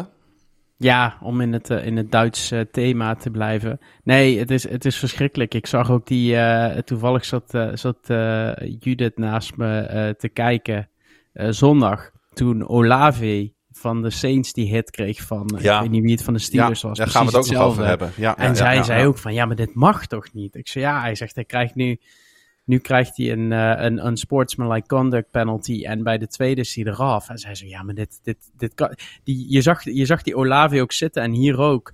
Die, dit is zo, als je dit tien keer in je carrière, als dit je tien keer gebeurt, ja, dan uh, hoef je na je vijftigste echt niet meer uh, de krant te lezen. Nee, dan Monte Cazé was dat trouwens. Ja, het is echt, uh, ja. het is schandalig. En die ejection, ik, iemand uh, in een podcast zei, ja, die ejection is uh, eigenlijk wel heel zwaar, want er is ook een 15 jaar penalty en ze kunnen niet meer terug. Maar dit was zo, zo opzettelijk. Ja. En die van Olave eigenlijk nog veel meer. Want Olave was al out of bounds en, en er was al een, een verdediger aan maken. Het kwam er nog een andere even achteraan op volle snelheid, het, helmet to helmet. Hm. Boah. Ja, er waren er dit, dit, dit um, en ook die, wat je zei, die, die face mask op Dallas Goddard. Ja. Er waren best wel wat, wat van die plays waarbij van je denkt van ja, daar moet de NFL gewoon tegen optreden. En een ejection is niet zo erg als een rode kaart in voetbal. Want je kan gewoon weer een andere speler inbrengen. Uh, dus het blijft 11 tegen 11. Maar ik denk wel dat uh, dat, dat de enige manier is om hier uh, tegen op te treden. Ja, eens. Dus de um, Chargers hosten inderdaad de Chiefs, Sunday Night Football. Um, en de 49ers, die gaan op zoek bij de Cardinals. En die wedstrijd wordt maandag gespeeld in Mexico City. En dat is dan denk ik de laatste international game. Night? Ja, dat is de Monday Night in Mexico. Oh, wat leuk. Dan zijn wij in Baltimore. Uh, ja, dus gaan we lekker. Uh, gaan we eerst bij het GMC. Oh nee, dus die is natuurlijk tijdens ons etentje dan, hè? Nou weten de... Ja. Dat was een verrassing. Goed, we gaan naar de volgende wedstrijd. het uh, gaat niet het jaar van regerend Super Bowl kampioen Los Angeles Rams worden. Zelfs tegen de 36-jarige backup quarterback van de Cardinals, Colt McCoy was het team van coach Sean McVay eigenlijk kansloos. En Rams, Rams star receiver Cooper Cup liep ook nog eens een enkel blessure op. LA miste ook hun starting quarterback, John Wolford, oftewel Johnny de Wolf, verving Matthew Stafford en bleek niet de betere van de twee reserveaanvalsleiders. De Rams waren de wanhoop nabij en speelden zelfs met de backup van de backup, Bryce Perkins ja, het hielp niet een waardeloos seizoen om te draaien. Ja, een beetje een lastige intro voor deze wedstrijd. Ja, maar die was net zo lastig als het terugkijken van die wedstrijd. Ja, uh, nou ja. Zo, ik, je krijgt er geen energie van hoor. Ik, als ik daar naar kijk, dan. Oh, ik van moet me er iedere keer weer, weer doorheen uh, worstelen. Door alles wat de LA Rams. Uh, ik vond, en, en vaak de Cardinals ook dit seizoen doen. Ja, maar ik vond de Cardinals nu wel aardig. Ik vond het eigenlijk wel leuk om te zien hoe Colt McCoy eigenlijk best wel goed speelde. En, en gewoon zijn, zijn, zijn team naar een hele stabiele overwinning gooide. Dit was de meest stabiele wedstrijd van de Cardinals dit seizoen. Ja, maar dat laat ook, laat ook zien waar het, uh, waar het gebrek ligt, met name bij, bij Kyler Murray en zijn spel op dit moment. Het, is, het, is, uh, het, gaat alle, het schiet alle kanten op. En ik vraag me wel eens af of ze niet een klein beetje spijt hebben van die 250 miljoen die ze daar op tafel hebben gelegd afgelopen jaar. Um, want als je ziet hoe gemakkelijk en met hoeveel rust Colt McCoy het onder, under center overneemt. En dat doet hij ieder jaar eigenlijk. Hè. Hij doet volgens mij vorig jaar ook al een paar wedstrijden voor, mm. voor viel die in ja, het is een hele goede en hele solide uh, backup quarterback. En misschien hadden de, de Cardinals wel even die, uh, die rust uh, under center nodig. Ja, trouwens nog wel een leuk, uh, leuk dingetje gebeurd in deze wedstrijd. Ik uh, zat dit natuurlijk te kijken en uh, ik zag op een gegeven moment Trace McSorley opduiken op, op Red Zone. Ja, dan komt hij op de appgroep. en ik zei, hey, McSorley is in voor de Ravens, omdat dat zo in mijn systeem zit. ja, mooi hè. bedoelde daar ja. natuurlijk de, de Cardinals, want McCoy die... ja, die Ravens kan... legend Trace McSorley. Ja, heeft hij niet toen die wedstrijd tegen de Steelers gespeeld? Was hij dat? Eentje heeft hij, uh, nee, de, tegen de Steelers in het, uh, jij bedoelt die Corona Bowl. Ja. Uh, die wedstrijd die acht keer verzet was en toen op, op, op half vijf smiddags op een dinsdag gespeeld werd. Ja, die. Toen begon RG3. En McSorley eindigde die wedstrijd en die gooide ja. nog die bom van een touchdown op Hollywood Brown. Terwijl de Ravens 23 spelers op COVID-IR hadden. Ja, dat was de, mooiste, de mooiste nederlaag ooit. Wij zeiden toen... Uh, die ik van de Ravens heb gezien. Die zaten met alles samen te kijken. Ja. En de Ravens waren niet kansloos tegen de Steelers. En gingen er uiteindelijk 6, 23, 16 vanaf of zo. Ja, zoiets. Maar we waren hartstikke trots op wat, uh, wat de mannen hadden laten zien. Ja, tof is dat hè. Goed, terug naar uh, de Cardinals die nu 4-6 zijn. Uh, ja, weet je, de, de, de Seahawks hebben natuurlijk ehm, nu een wedstrijd verloren. Staan 6-4. De 49ers staan met 5-4. Staan ze er no, ook niet nog fantastisch al voor. Ja, dit is op zich wel een soort van uh, season-saving overwinning ook voor de Cardinals geweest. Hè? Dus als je nog wat wil en je wil nog aankloppen bij die andere twee, dan was dit de wedstrijd om te pakken natuurlijk. Uh, ja, en dat, dat, dit was ook de wedstrijd die, die degene die hem verliest, die is al redelijk klaar. Ja, met precies. Seizoen. Dat ik zei ik natuurlijk ook gelijk, hè? Ja. Ook de Cardinals met 4-6, juist in die divisie met sterke Seahawks. En wat we net al zeiden, gewoon die gritty 49ers die zich echt, die winnen hun potjes ook wel. Wordt, wordt heel lastig. Um, maar goed, uh, ze winnen net als vorig jaar. Volgens mij wonnen ze vorig jaar daar ook. Toen gingen ze in de, in de playoffs er uh, keihard vanaf. Maar begin vorig seizoen wonnen ze ook in, uh, in LA. Dus ja, de, de Cardinals voelen zich wel thuis in, in dat stadion. En hoe belangrijk het is dat uh, spelers op het randje van wel of niet spelen zitten, dat uh, liet Buddha Baker wel zien. Want hij maakte die prachtige clinching 53-yard interception return in de laatste minuten van deze wedstrijd. Toen was het echt voorbij voor de Rams. Um, hij heeft last van een enkelblessure, heeft toch gespeeld. Ja, dan zie je toch dat, dat uiteindelijk je sterspelers aan welke kant van de bal dan ook het, uh, het doen. Hè? Want uh, Buddha Baker is natuurlijk wel een fantastische verdediger. Ja, dat klopt. Hey, ik, heb, ik heb trouwens heel even opgezocht. Het ja. was 1914 voor de Ravens. Maar de, de voor quarterback... De Steelers, ja. De, de, in 2020 tegen de Steelers. Ja. Maar de, de Griffin RG3 was 7 voor 12 voor 33 yards. En 68 yards rushing. En Trace McSorley was... Uh, oh, die staat hier... 2 voor 6 voor 77 yards. Ja, dus het was echt een dramatische wedstrijd uh, verder. Ja. Ja, en toch, toch uh, staat hij in ons we genoten die avond, want ja. we hadden niks te verliezen voor een keer. Nee, precies. Uh, ik, ik zei het, dat seizoen is eigenlijk wel voorbij. Matthew Stafford trouwens nog steeds in concussion protocol, dus, dus dat ja. is wel echt serieus wat er uh, met hem aan de hand is. Hij raakte geblesseerd natuurlijk hè, tegen, de, tegen de Buccaneers uh, week ja. daarvoor. Dus nu, nu, krijgen we denk ik iedere week uh, dat plaatje in de appgroep van Pieter van uh, John de Wolford. Ja. ja, Murray trouwens ook. die hamstringblessure ziet er ook niet zo goed uit. Dus, dus even afwachten hoe het verder gaat met deze teams. Maar ja, ja dat... laat Colt McCoy nog maar een keer ja. starten. James Conner doet het goed. Hij heeft een goede connectie met DeAndre Hopkins. Zie je ook dat DeAndre Hopkins heel lang niet met de first team heeft mogen trainen. Dus die zal best nog wat wat practice uh, experience met Colt McCoy hebben. Zeker in die eerste weken dat hij niet mee mocht doen. Dus uh, ja, dat komt ze nu toevallig goed uit. En uh, ja, why not? de Cardinals staan er eigenlijk gewoon beter voor dan de Rams. En wie had dat in, in augustus nou, gedacht? Ik had niet gedacht dat de Cardinals een fantastisch seizoen zouden draaien. Maar ik had ook niet gedacht dat ze op dit punt in het seizoen inderdaad boven de Los Angeles Rams zouden staan. De Rams die naar New Orleans afreizen. En de goede verstaander heeft het al begrepen. De Cardinals ontmoeten San Francisco dus op Monday Night Football 21 november in uh, Mexico ja, mooi. City. Wekenlang was het armoedtroef bij de Packers. Maar na een aantal pittige uitwedstrijden revancheerde quarterback Aaron Rodgers zich op het eigen Lambeau Field. Hij gooide drie touchdown passes op rookie Christian Watson en leidde zijn aanval naar een game-winning field goal in overtime. De eerste nederlaag van Dallas in zes wedstrijden en bovendien een zege van Green Bay op voormalig Packers-coach Mike McCarthy. Begin vierde kwart stond Dallas nog 14 punten voor. Het was de eerste keer in franchise history dat zo'n voorsprong in het laatste kwart werd weggegeven. Tot zondag hadden de Cowboys een 195-0 record in die wedstrijden. Dat zegt wel wat over van hoe ver de Packers moesten komen voor deze overwinning, hè? Ja, uh, en, dan is 14 punten achterstand misschien een mooie metafoor.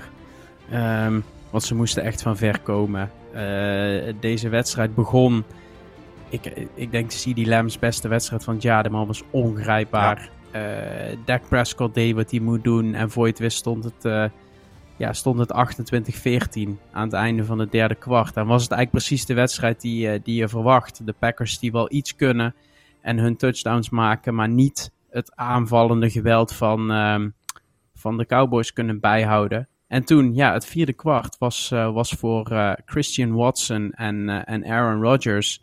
En in overtime was het good old Mason Crosby, die met een 28-yard field goal ja, er eigenlijk voor zorgde dat, dat Green Bay een hele, hele, hele broodnodige overwinning pakt en een five-game losing streak daarmee stopt. Ja, ik vond het een hele zenuwachtige wedstrijd van Prescott. Hij ging uh, 27 uit 46 voor uh, 265 yards, drie touchdowns, maar ook twee intercepties. Uh, beide volgens mij door Ford van de Packers uh, gevangen. Klopt, ja, die had een, allebei in de eerste helft ja. volgens mij. En die had echt een, een career game, de man. En dan, dan weet je, dat, dat, het, je voelt het al een beetje aankomen in deze wedstrijd. Hè? Dat de Cowboys waren heel wisselvallig, maar zijn wel een dusdanig goed team dat ze hun touchdowns maken. Want het is echt een high-scoring offense. Um, alleen uh, ze geven de Packers dus op een gegeven moment hoop door drives niet af te maken, door foutjes te ja. maken. En uh, het was natuurlijk ook nodig voor de Packers om weer eens een overwinning te pakken. Want ja, uh, ik had het erover met Pieter afgelopen vrijdag in de extra podcast. Hoe gaat uh, het volk in Green Bay reageren als de Packers ook deze wedstrijd verliezen? Hoe gaan de mensen reageren in de offices op nog een nederlaag? Wat komt er dan los bij Aaron Rodgers? Wat komt er dan los richting de coachingstaf van de Packers? Nou ja, ze hebben wat dat betreft hebben ze een hebben ze een, een, een, een hele ongemakkelijke situatie voor even nu voorkomen. Hoewel ze natuurlijk nog altijd op een uh, fix losing record staan. Ja, en de, en de storyline van deze wedstrijd en eigenlijk van de afgelopen weken is voor mij uh, niet zozeer of de Packers wel of niet gingen verliezen. Want als zij deze wedstrijd in overtime hadden verloren met 31-28, dan waren de fans denk ik nog best wel tevreden naar huis gegaan. Want dan hadden ze eindelijk een Green Bay Packers team gezien dat wel thuis geeft dat een run game established. Ja. Want de score wordt pas geopend in het, in het tweede kwart. Maar in het eerste kwart waar, uh, was Aaron Jones was eigenlijk, uh, was eigenlijk overal. Uh, met AJ Dillon als, als tweede back.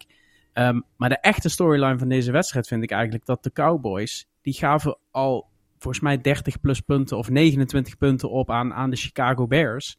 En geven er nu ook weer 31 op aan, uh, aan de Green Bay Packers. En dan zie je dat, dat Dak Prescott die zenuwachtige wedstrijd moet gaan spelen.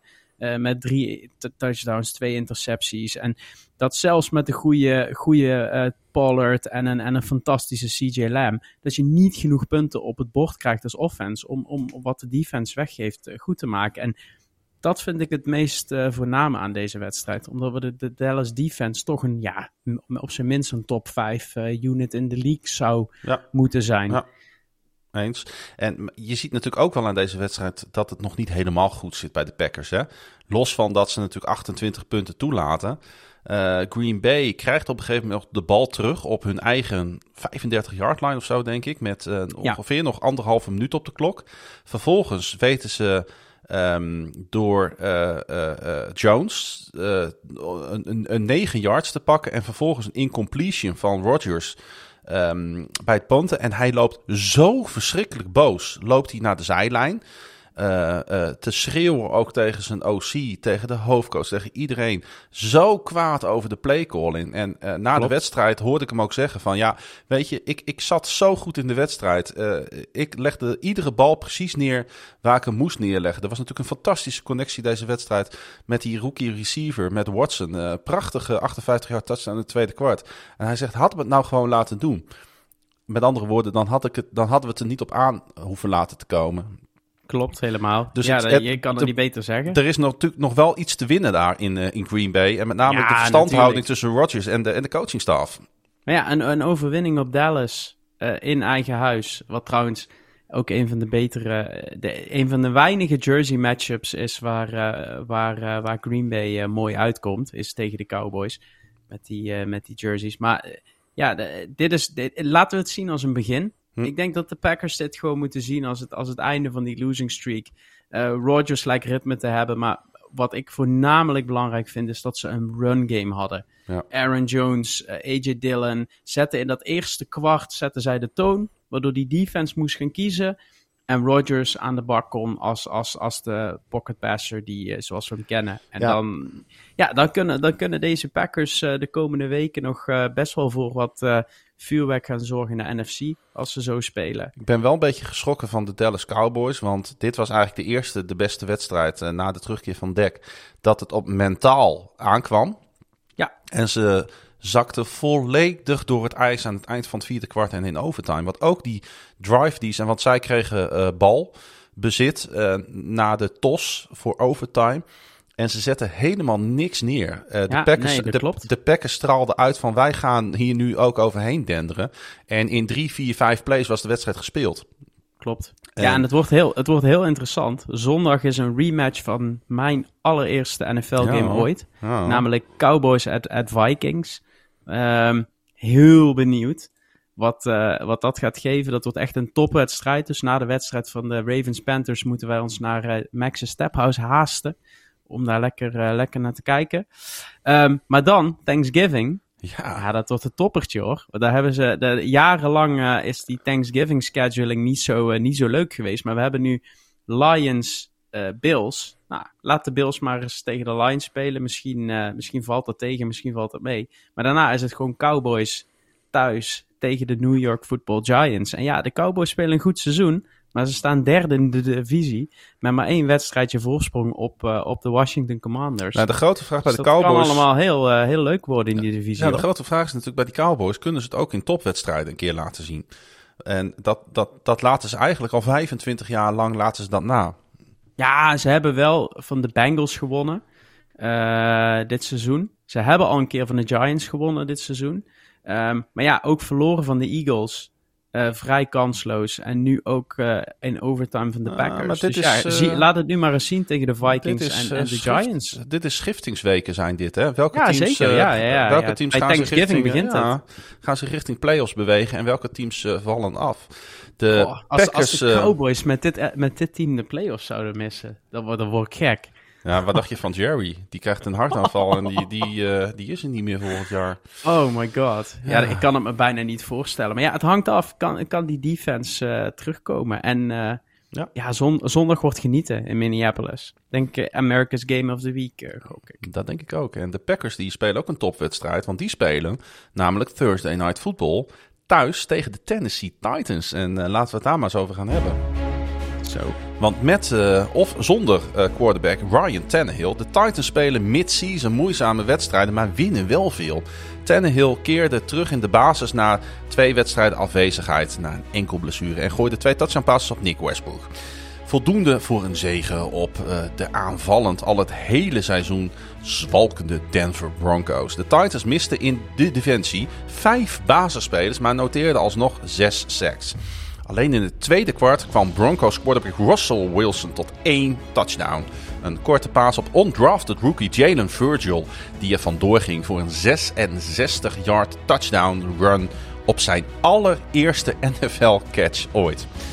Um, die, uh, die, die Tennessee Titans, ik vind, weet je, die hebben weer blessureleed, zoals ze dat eigenlijk ja. al een paar jaar hebben de manier waarop die hun, hun, uh, hun, hun, hun rostermanagement, hun player management, de manier waarop zij spelers bij andere practice squads vandaan halen, ik heb daar uh, diep en diep respect voor, uh, Frank. Ja, die is, die is ongeëvenaard. Ja. Dat, daar zijn zij het allerbeste in, want vorig jaar, vorig jaar waren de Ravens helemaal stuk. Maar ja, de Titans waren ook redelijk stuk. En die gaan gewoon naar de first seed in de AFC. En iedereen roept altijd wel, uh, ja, zij zitten in de AFC West. En zij spelen twee keer tegen de Jags en de Colts en de Texans. En dat klopt allemaal. Maar in die end moet je ook die wedstrijden winnen. En jij moet daar, jij moet daar uh, elf goede aanvallers en elf goede verdedigers op dat, op dat veld kunnen zetten. En om een of andere reden, zij, ook weten zij gewoon op ieder, iedere mogelijke manier gewoon weer wedstrijden te winnen. Want Derrick Henry, 19 carries voor 53 yards. Als ik jou voor de wedstrijd had gezegd, Derrick Henry, met die cijfers, wie heeft er gewonnen? Ja. En dan zegt iedereen de Broncos, want de Broncos hebben Henry gestopt. Tannehill kan niet in zijn play-action komen en de Broncos gaan dit winnen. Um, maar het tegenovergestelde gebeurt, want eigenlijk maken zij gewoon die hele wedstrijd gewoon dood.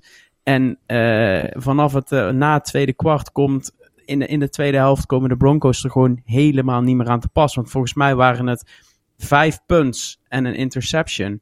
Uh, was wat, uh, wat de Broncos de tweede helft deden. Tegen toch wel een iets wat gemankeerde verdediging van, van Tennessee. Ja. Dus ja, alle, alle credits naar, uh, naar de Titans hier. Ja, en de Broncos zijn weer helemaal terug bij af. Hè? Want ik heb uh, deze wedstrijd ook nog even in een lange samenvatting nagekeken. Omdat ik toch wel nou benieuwd was naar het spel van, van Russell Wilson.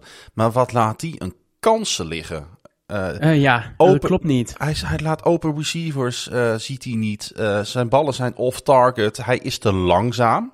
Ook gewoon af en toe, vind ik, in zijn decision making. Zijn roll-outs zijn niet goed.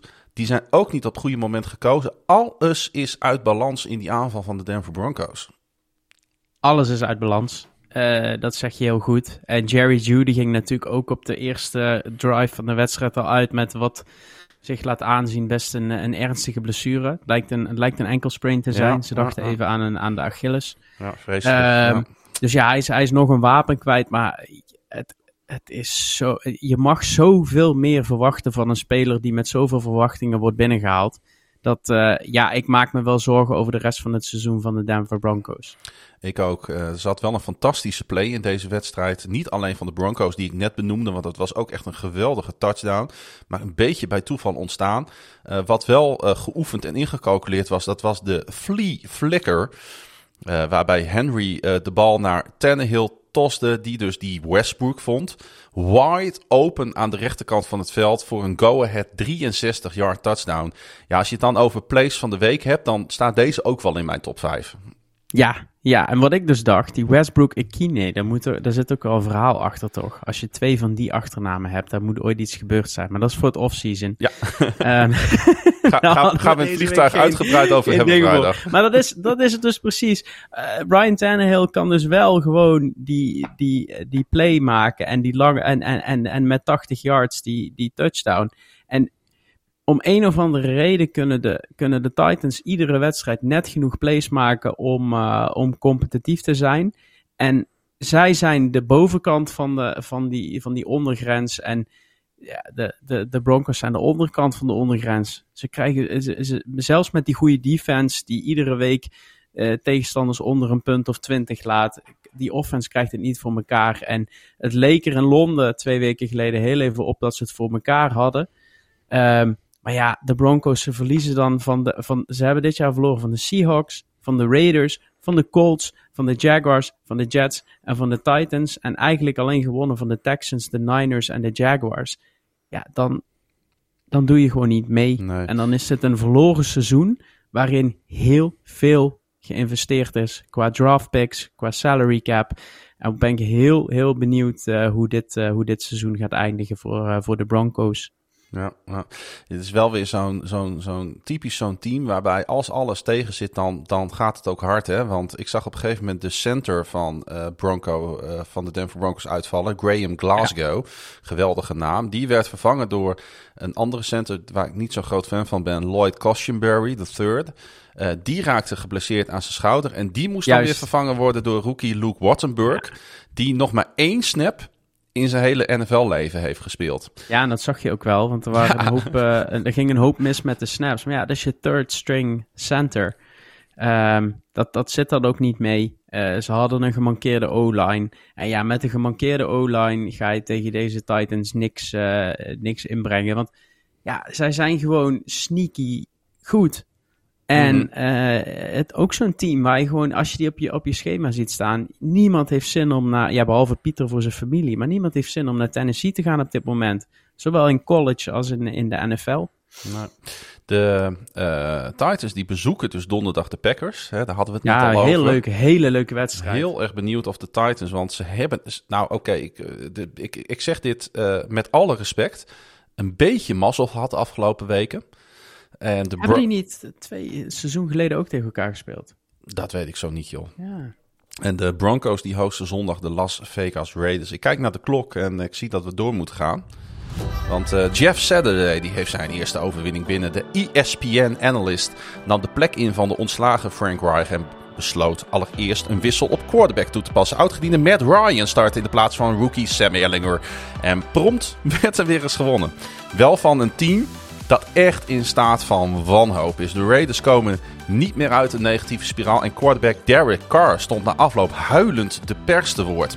Twee weken geleden zei Saturday nog in zijn rol voor de televisie dat de Raiders vreselijk speelden. Ja, en daar was geen woord aan gelogen. De Las Vegas Raiders, uh, Frank. Ja, het is die hebben, een, die hebben een seizoen, joh. Ik zat net naar die wedstrijden van ze te kijken. Wat die allemaal al gehad hebben. Die voorsprong tegen de Jaguars. Die voorsprong tegen de Cardinals. De shutout bij de Saints. Uh, het, het, het, het, houdt allemaal, het houdt allemaal niet op. Ze hadden bijna gewonnen in Kansas City, bedenk ik me nu. Monday Night Football. Ja, ja, ja. ja daar, daar, geven ze het ook, ook weg. Ja, ik... Uh, eh, ik, als ik Derek Carr was, en we weten allemaal van Derek Carr, die man heeft het gewoon in zich om uh, een playoff caliber uh, quarterback te zijn. Um, ja, ik zou, ik zou ook gek worden, maar vooral wat uit dat, uit dat interview blijkt, is dat het gewoon niet goed zit in de kleedkamer. Uh, Want hij noemt ook echt, hij zegt ook letterlijk: niet iedereen wil, uh, wil er net zoveel doen als, als wij. En hij zegt ook wat, wat, wat sommige spelers moeten doen om überhaupt te slapen s'nachts. Dat betekent dus dat er spelers zijn met ernstige blessures, heel veel pijn die daar doorheen gaan. Ja, het is. Boah. Ja, ik zit, ik zit nu weer even te kijken. Tegen de Chargers hadden ze kunnen winnen. Opening game. Toen de Cardinals. Nou, ze hadden gisteren, tegen de, tegen de Titans winnen, stonden ze heel, heel dik voor in Tennessee. Uh, tegen de Chiefs hadden ze kunnen winnen. Uh, de Saints uh, een shutout. Tegen de Jaguars stonden ze 17 punten voor. En nu de Colts. Ja, dat zijn meteen al hun verliespartijen. Ja, ja volgens mij... Je, het, het, het, is wel een team. Laten we ook een positieve draai aan maken.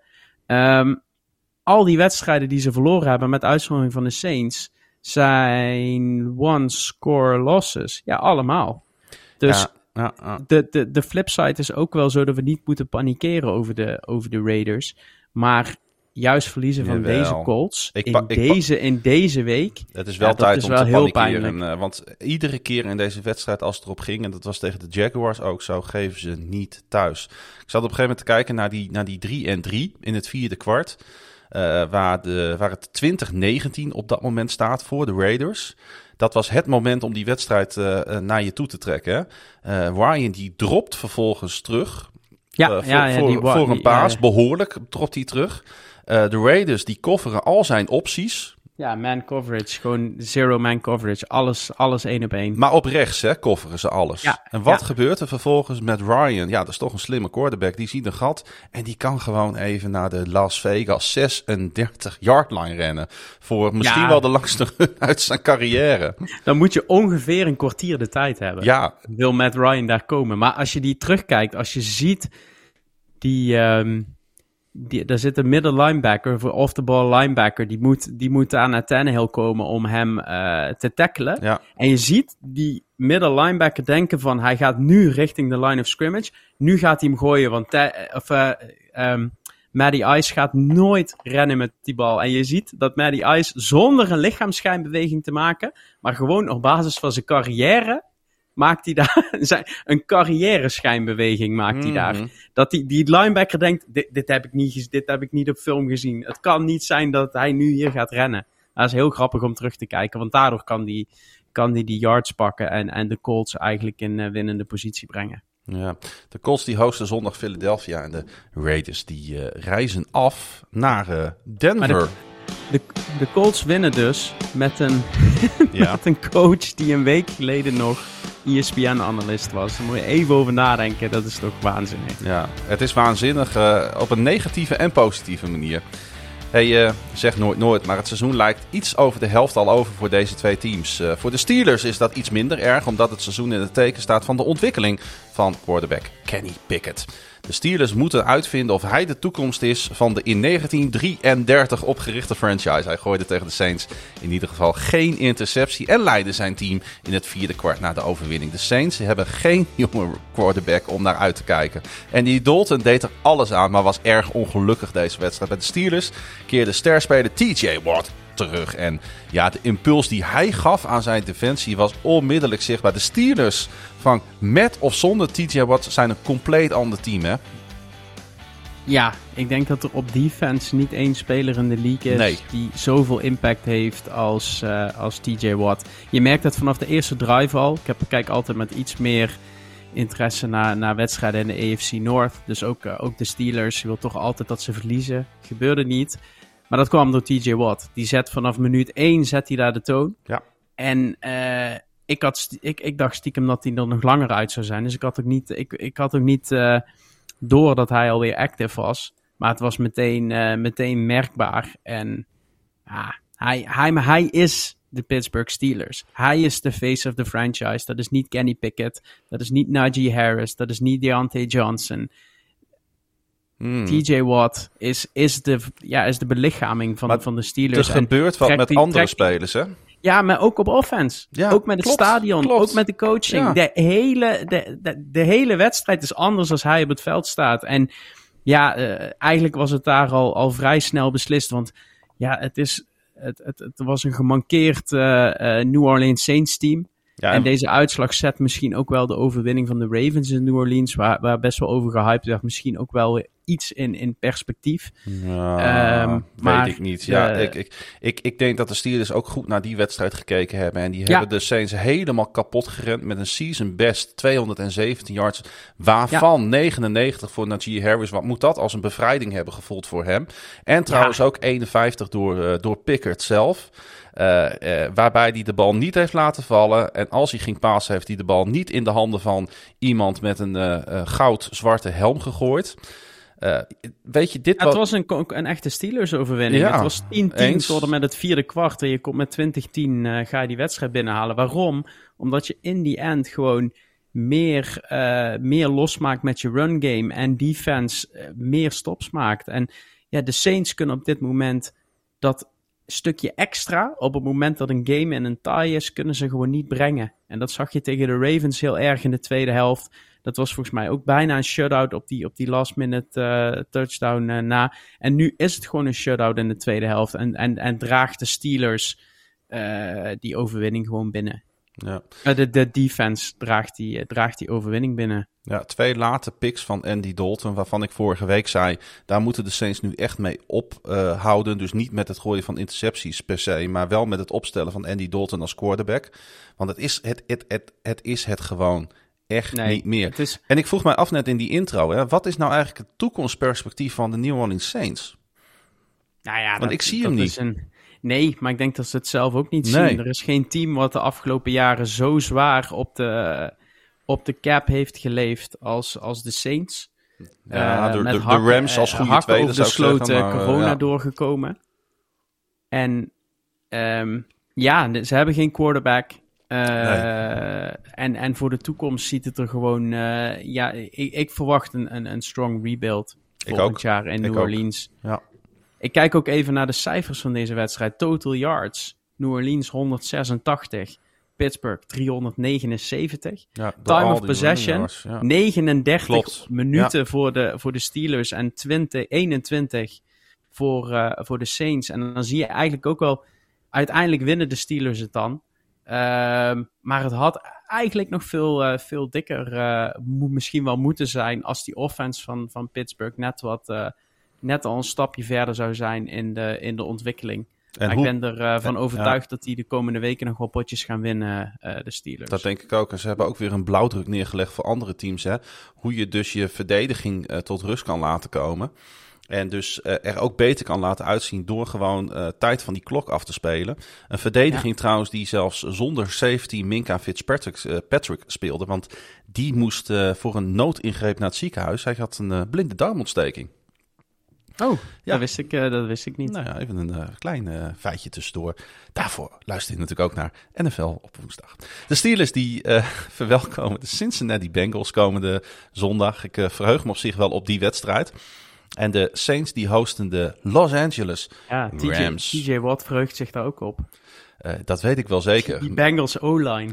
en als Fitzpatrick dan weer mee kan doen, nou, ik wil het nog wel uh, zien, uh, mijn jonkje. Ik weet wie ik ga pikken. De, ja, weet je, het is toch knap hoe de Houston Texans, het team met het minste talent op het roster, er vaak een wedstrijd van weten te maken. Hoe het is, het is dan ook treurig hoe vaak ze aan de verliezende kant staan.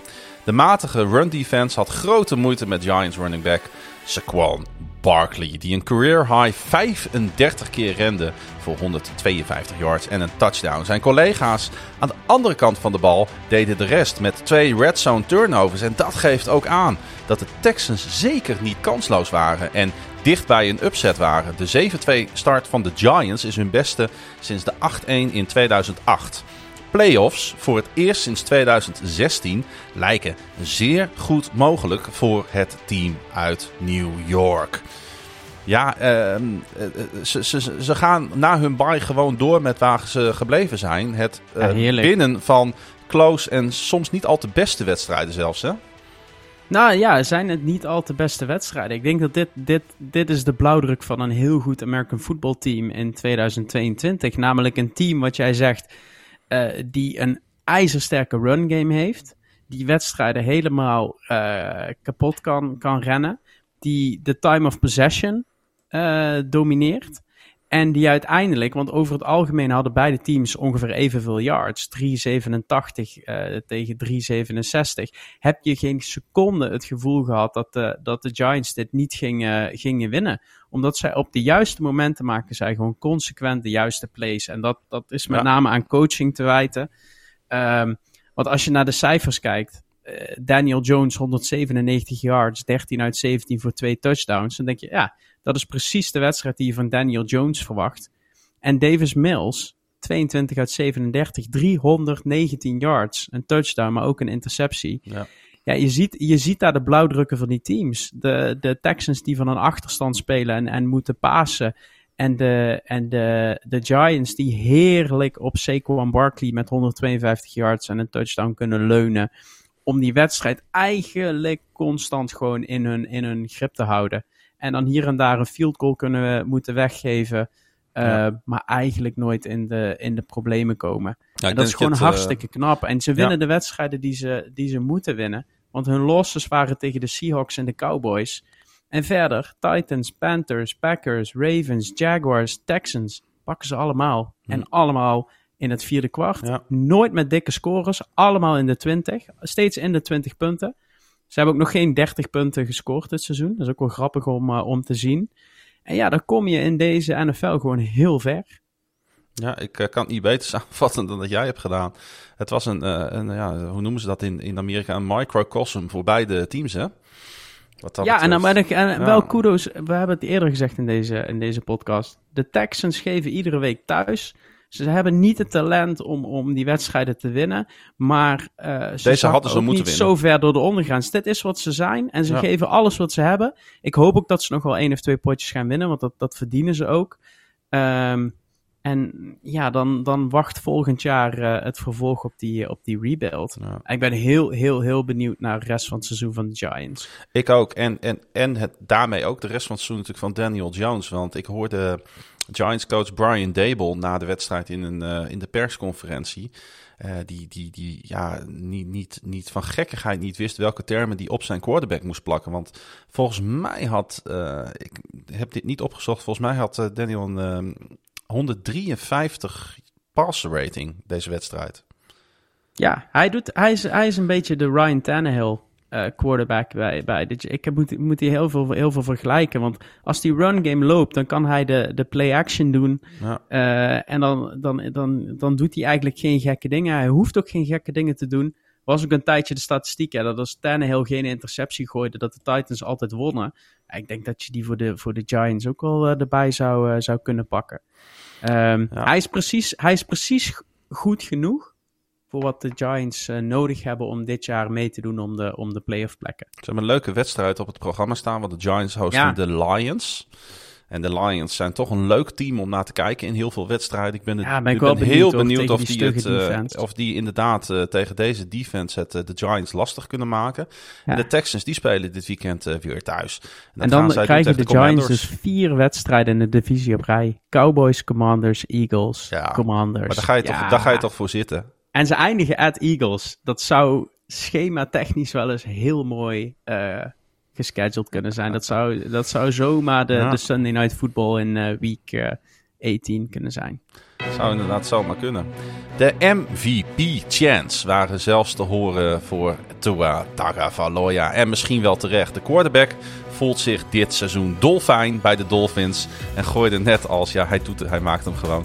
En gooide net als de afgelopen twee wedstrijden drie touchdowns. Sinds de terugkeer van de quarterback na een blessure heeft hij 10 touchdown passes en geen enkele interceptie gegooid. Miami schoof dan ook op naar de eerste plaats in die AFC East. Aanvallend verzamelde het team uit Florida liefst 491 yards deze wedstrijd. De Browns scoorden nog op hun eerste drive, maar kwamen er daarna eigenlijk helemaal niet meer aan te pas. De mensen in Miami en omgeving geloven weer in hun NFL-team. Nog nooit zat het sinds de renovatie van Hard Rock Stadium zo vol bij een thuiswedstrijd van de Dolphins. Er waren bijna 67.000 toeschouwers. De Miami Dolphins zijn niet, uh, niet te stoppen. Nee, nee ik, uh, ik denk op dit moment... Uh ja, misschien zijn ze wel het, het beste team in de NFL uh, op dit moment. als je kijkt naar wat, wat, zij, wat, zij, wat zij op defense nu hebben toegevoegd met, met Nick Chubb. Ehm, en hoe makkelijk zij op offense scoren. Tua, die nog geen wedstrijd waarin hij start en eindigt, uh, verloren heeft dit seizoen. Ook nu weer gewoon 285 yards, drie touchdowns.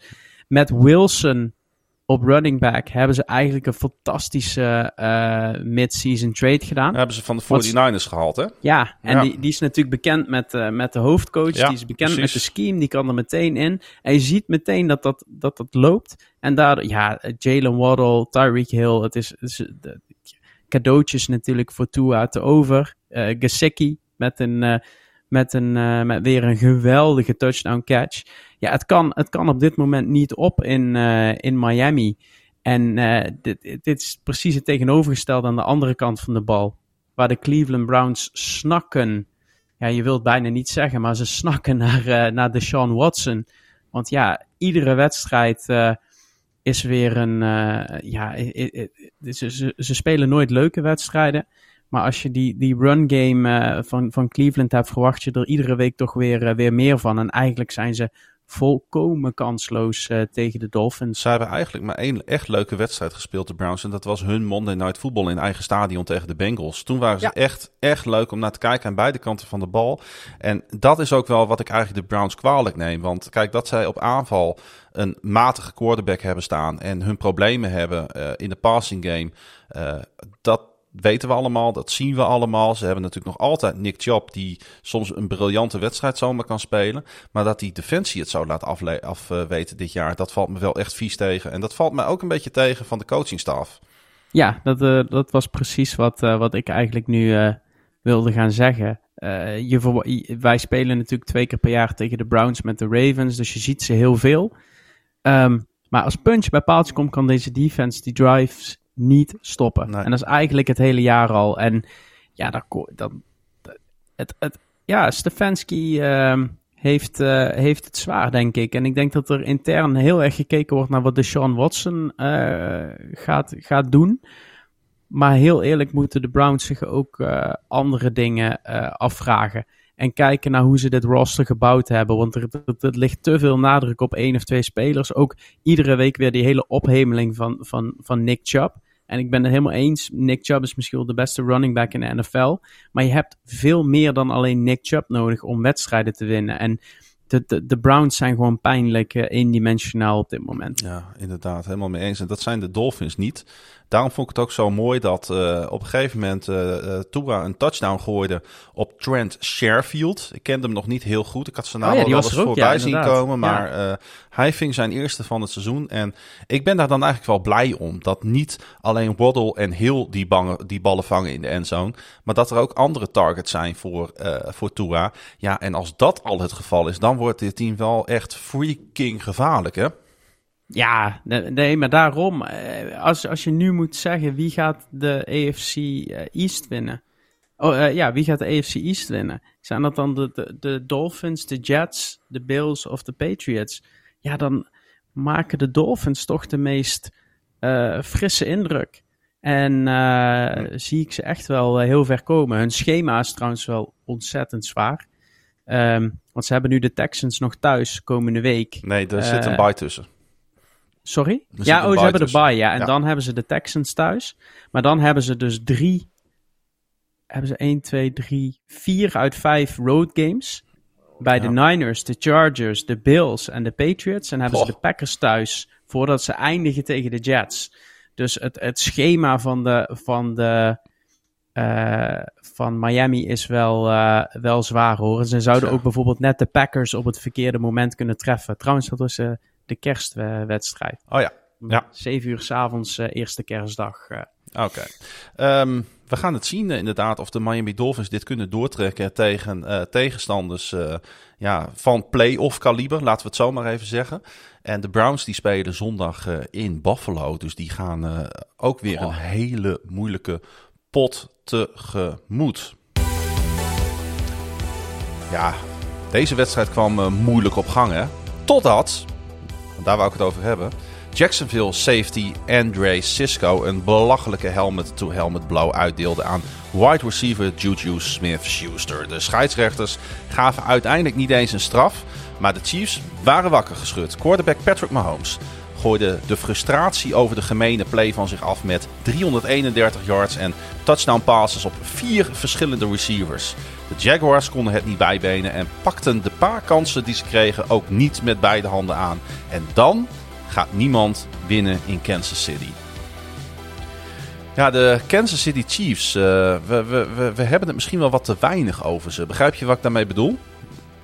Ja, omdat we het zo normaal vinden dat, zij, uh, dat, dat Mahomes even vier, uh, vier touchdowns gooit uh, tegen de Jaguars. En dat ze die gewoon met 27-17 winnen. Maar deze wedstrijd is eigenlijk een, een, een blauwdruk van wat de Chiefs zijn. Er zijn verschillende wide receivers.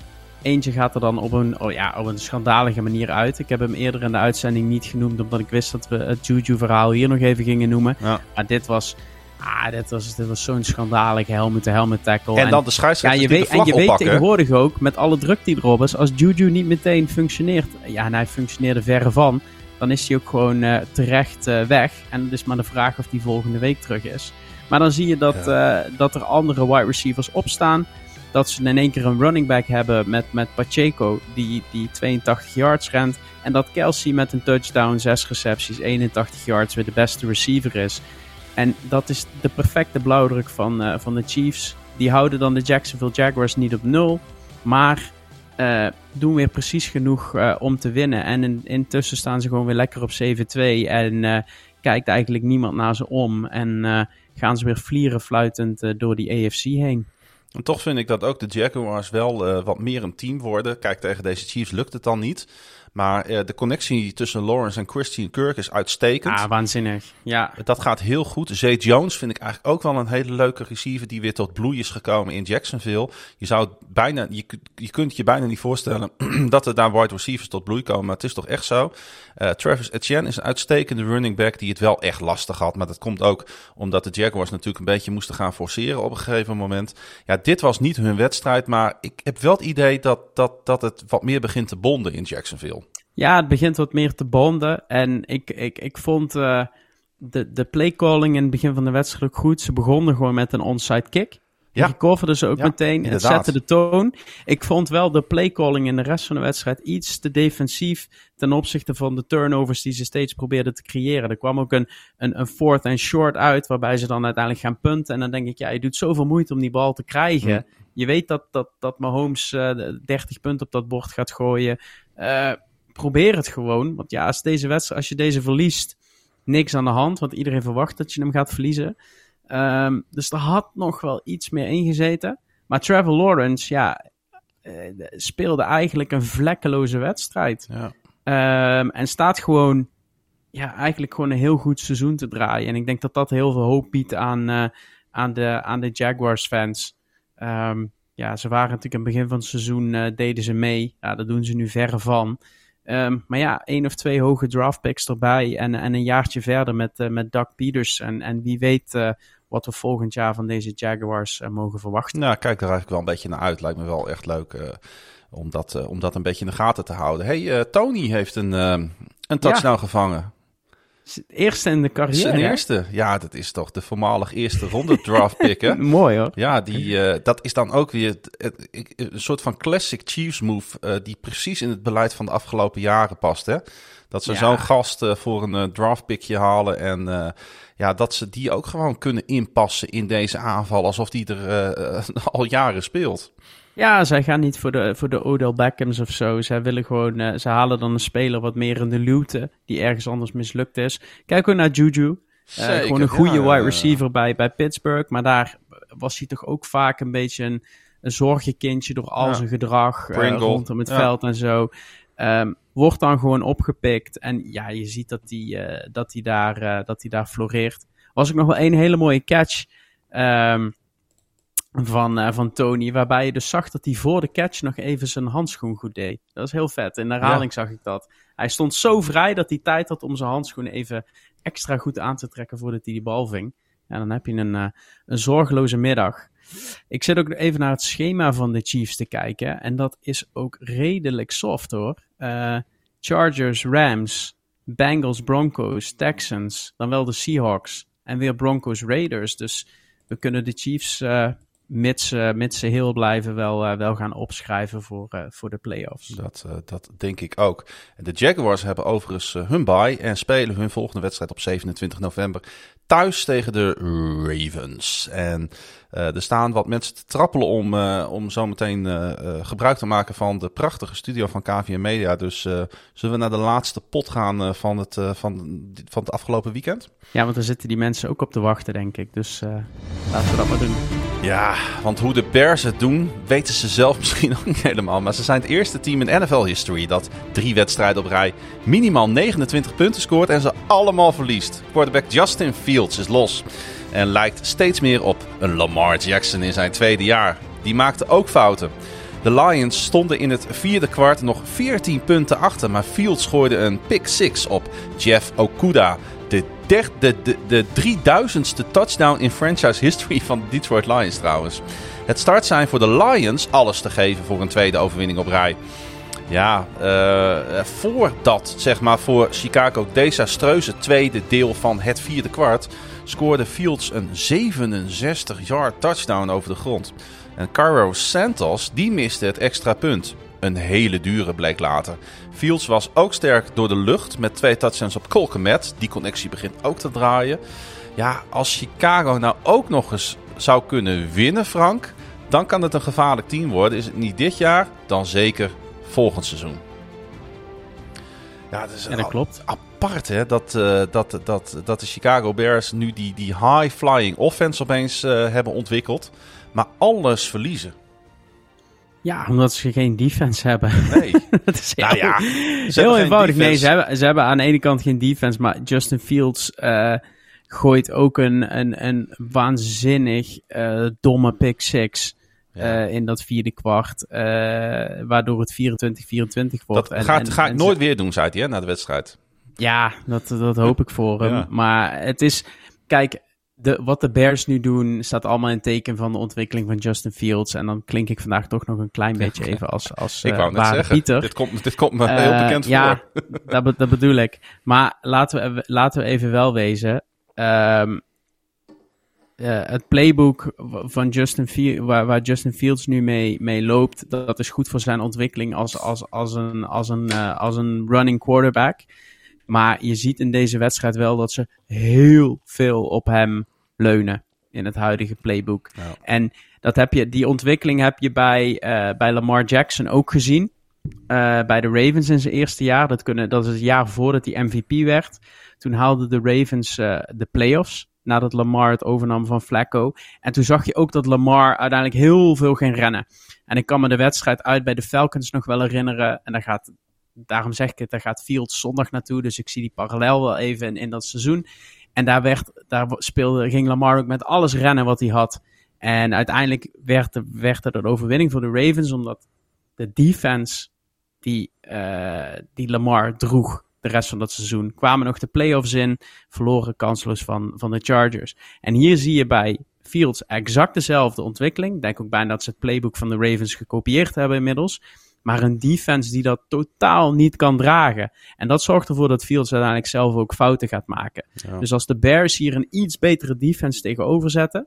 En Fields zich zo blijft ontwikkelen en daar ook weer die balans vindt in, in de passing game.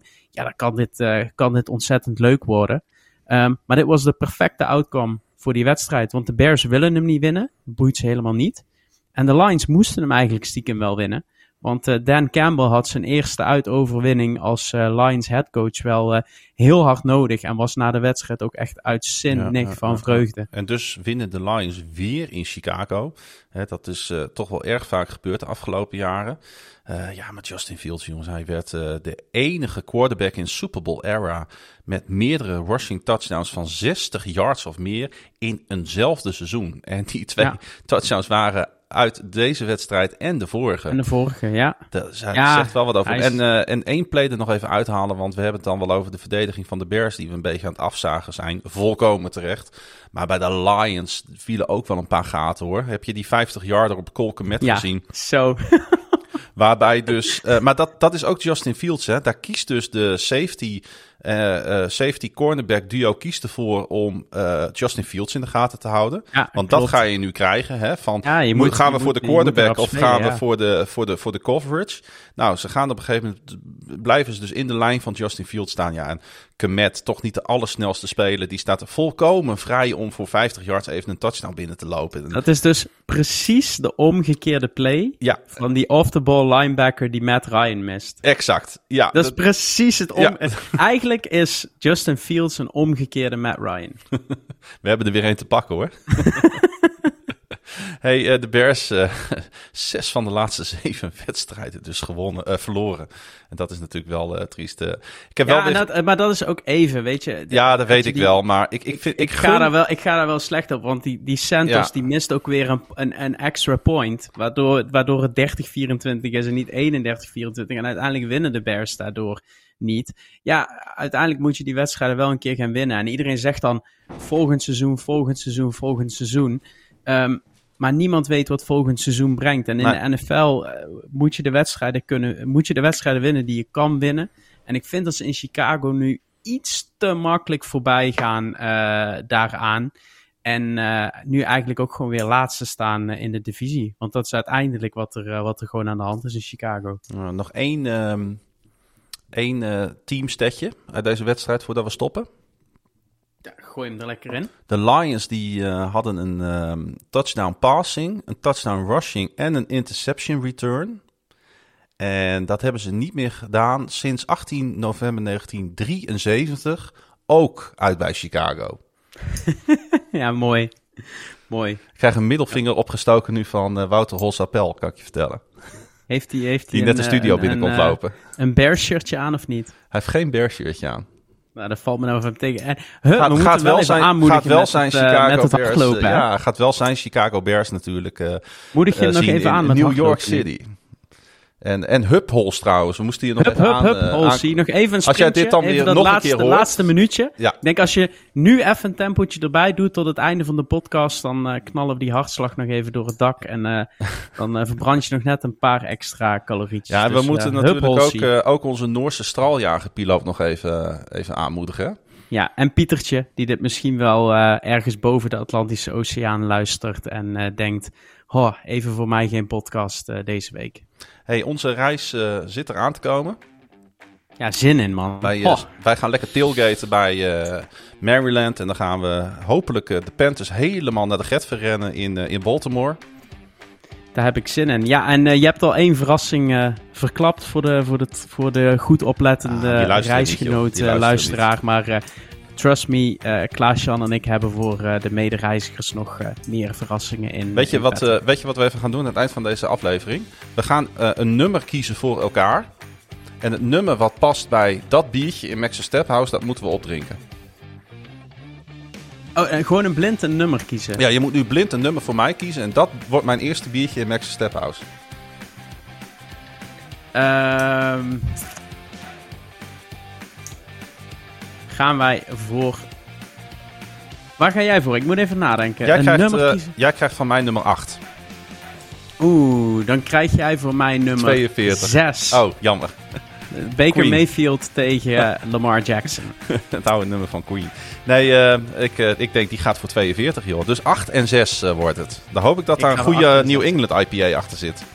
Dat, uh, dat hoop ik ook. We gaan het zien in Max's Stephouse aanstaande vrijdag in het mooie stadje Baltimore. Hey, uh, ik zie jou vrijdagochtend op Schiphol. Ja, donderdagavond uh, in het hotel, ja, denk ik. ik weet niet of we elkaar nog zien, want ik ga eerst naar basketbal. Oh ja, en ik ga altijd vroeg naar bed. Jij gaat natuurlijk weer heel vroeg op bed. Jij moet natuurlijk weer om 8 uur in. oh jongen, het is ook wel veel te laat. Het is al tien over zeven. Dus Jij ik, bent niet alleen een early riser, je hebt ook wel eens een early riser. Okay, hey, uh, Frank, bedankt. Uh, doe de groeten aan, uh, aan je vrouw, zou ik zeggen. dat ga, ik, ga ik zeker doen. Iedereen bedankt voor het luisteren. Volg ons op de social media. En wil je ons steunen, ga dan naar nflopwoensdag.nl. Dan kun je je petje voor ons afnemen. volgende week zijn we er niet. Want dan zitten we allemaal in Amerika. De week daarop zijn we er wel weer. Graag tot dan en bedankt voor het luisteren naar NFL op woensdag. Het beste maar weer.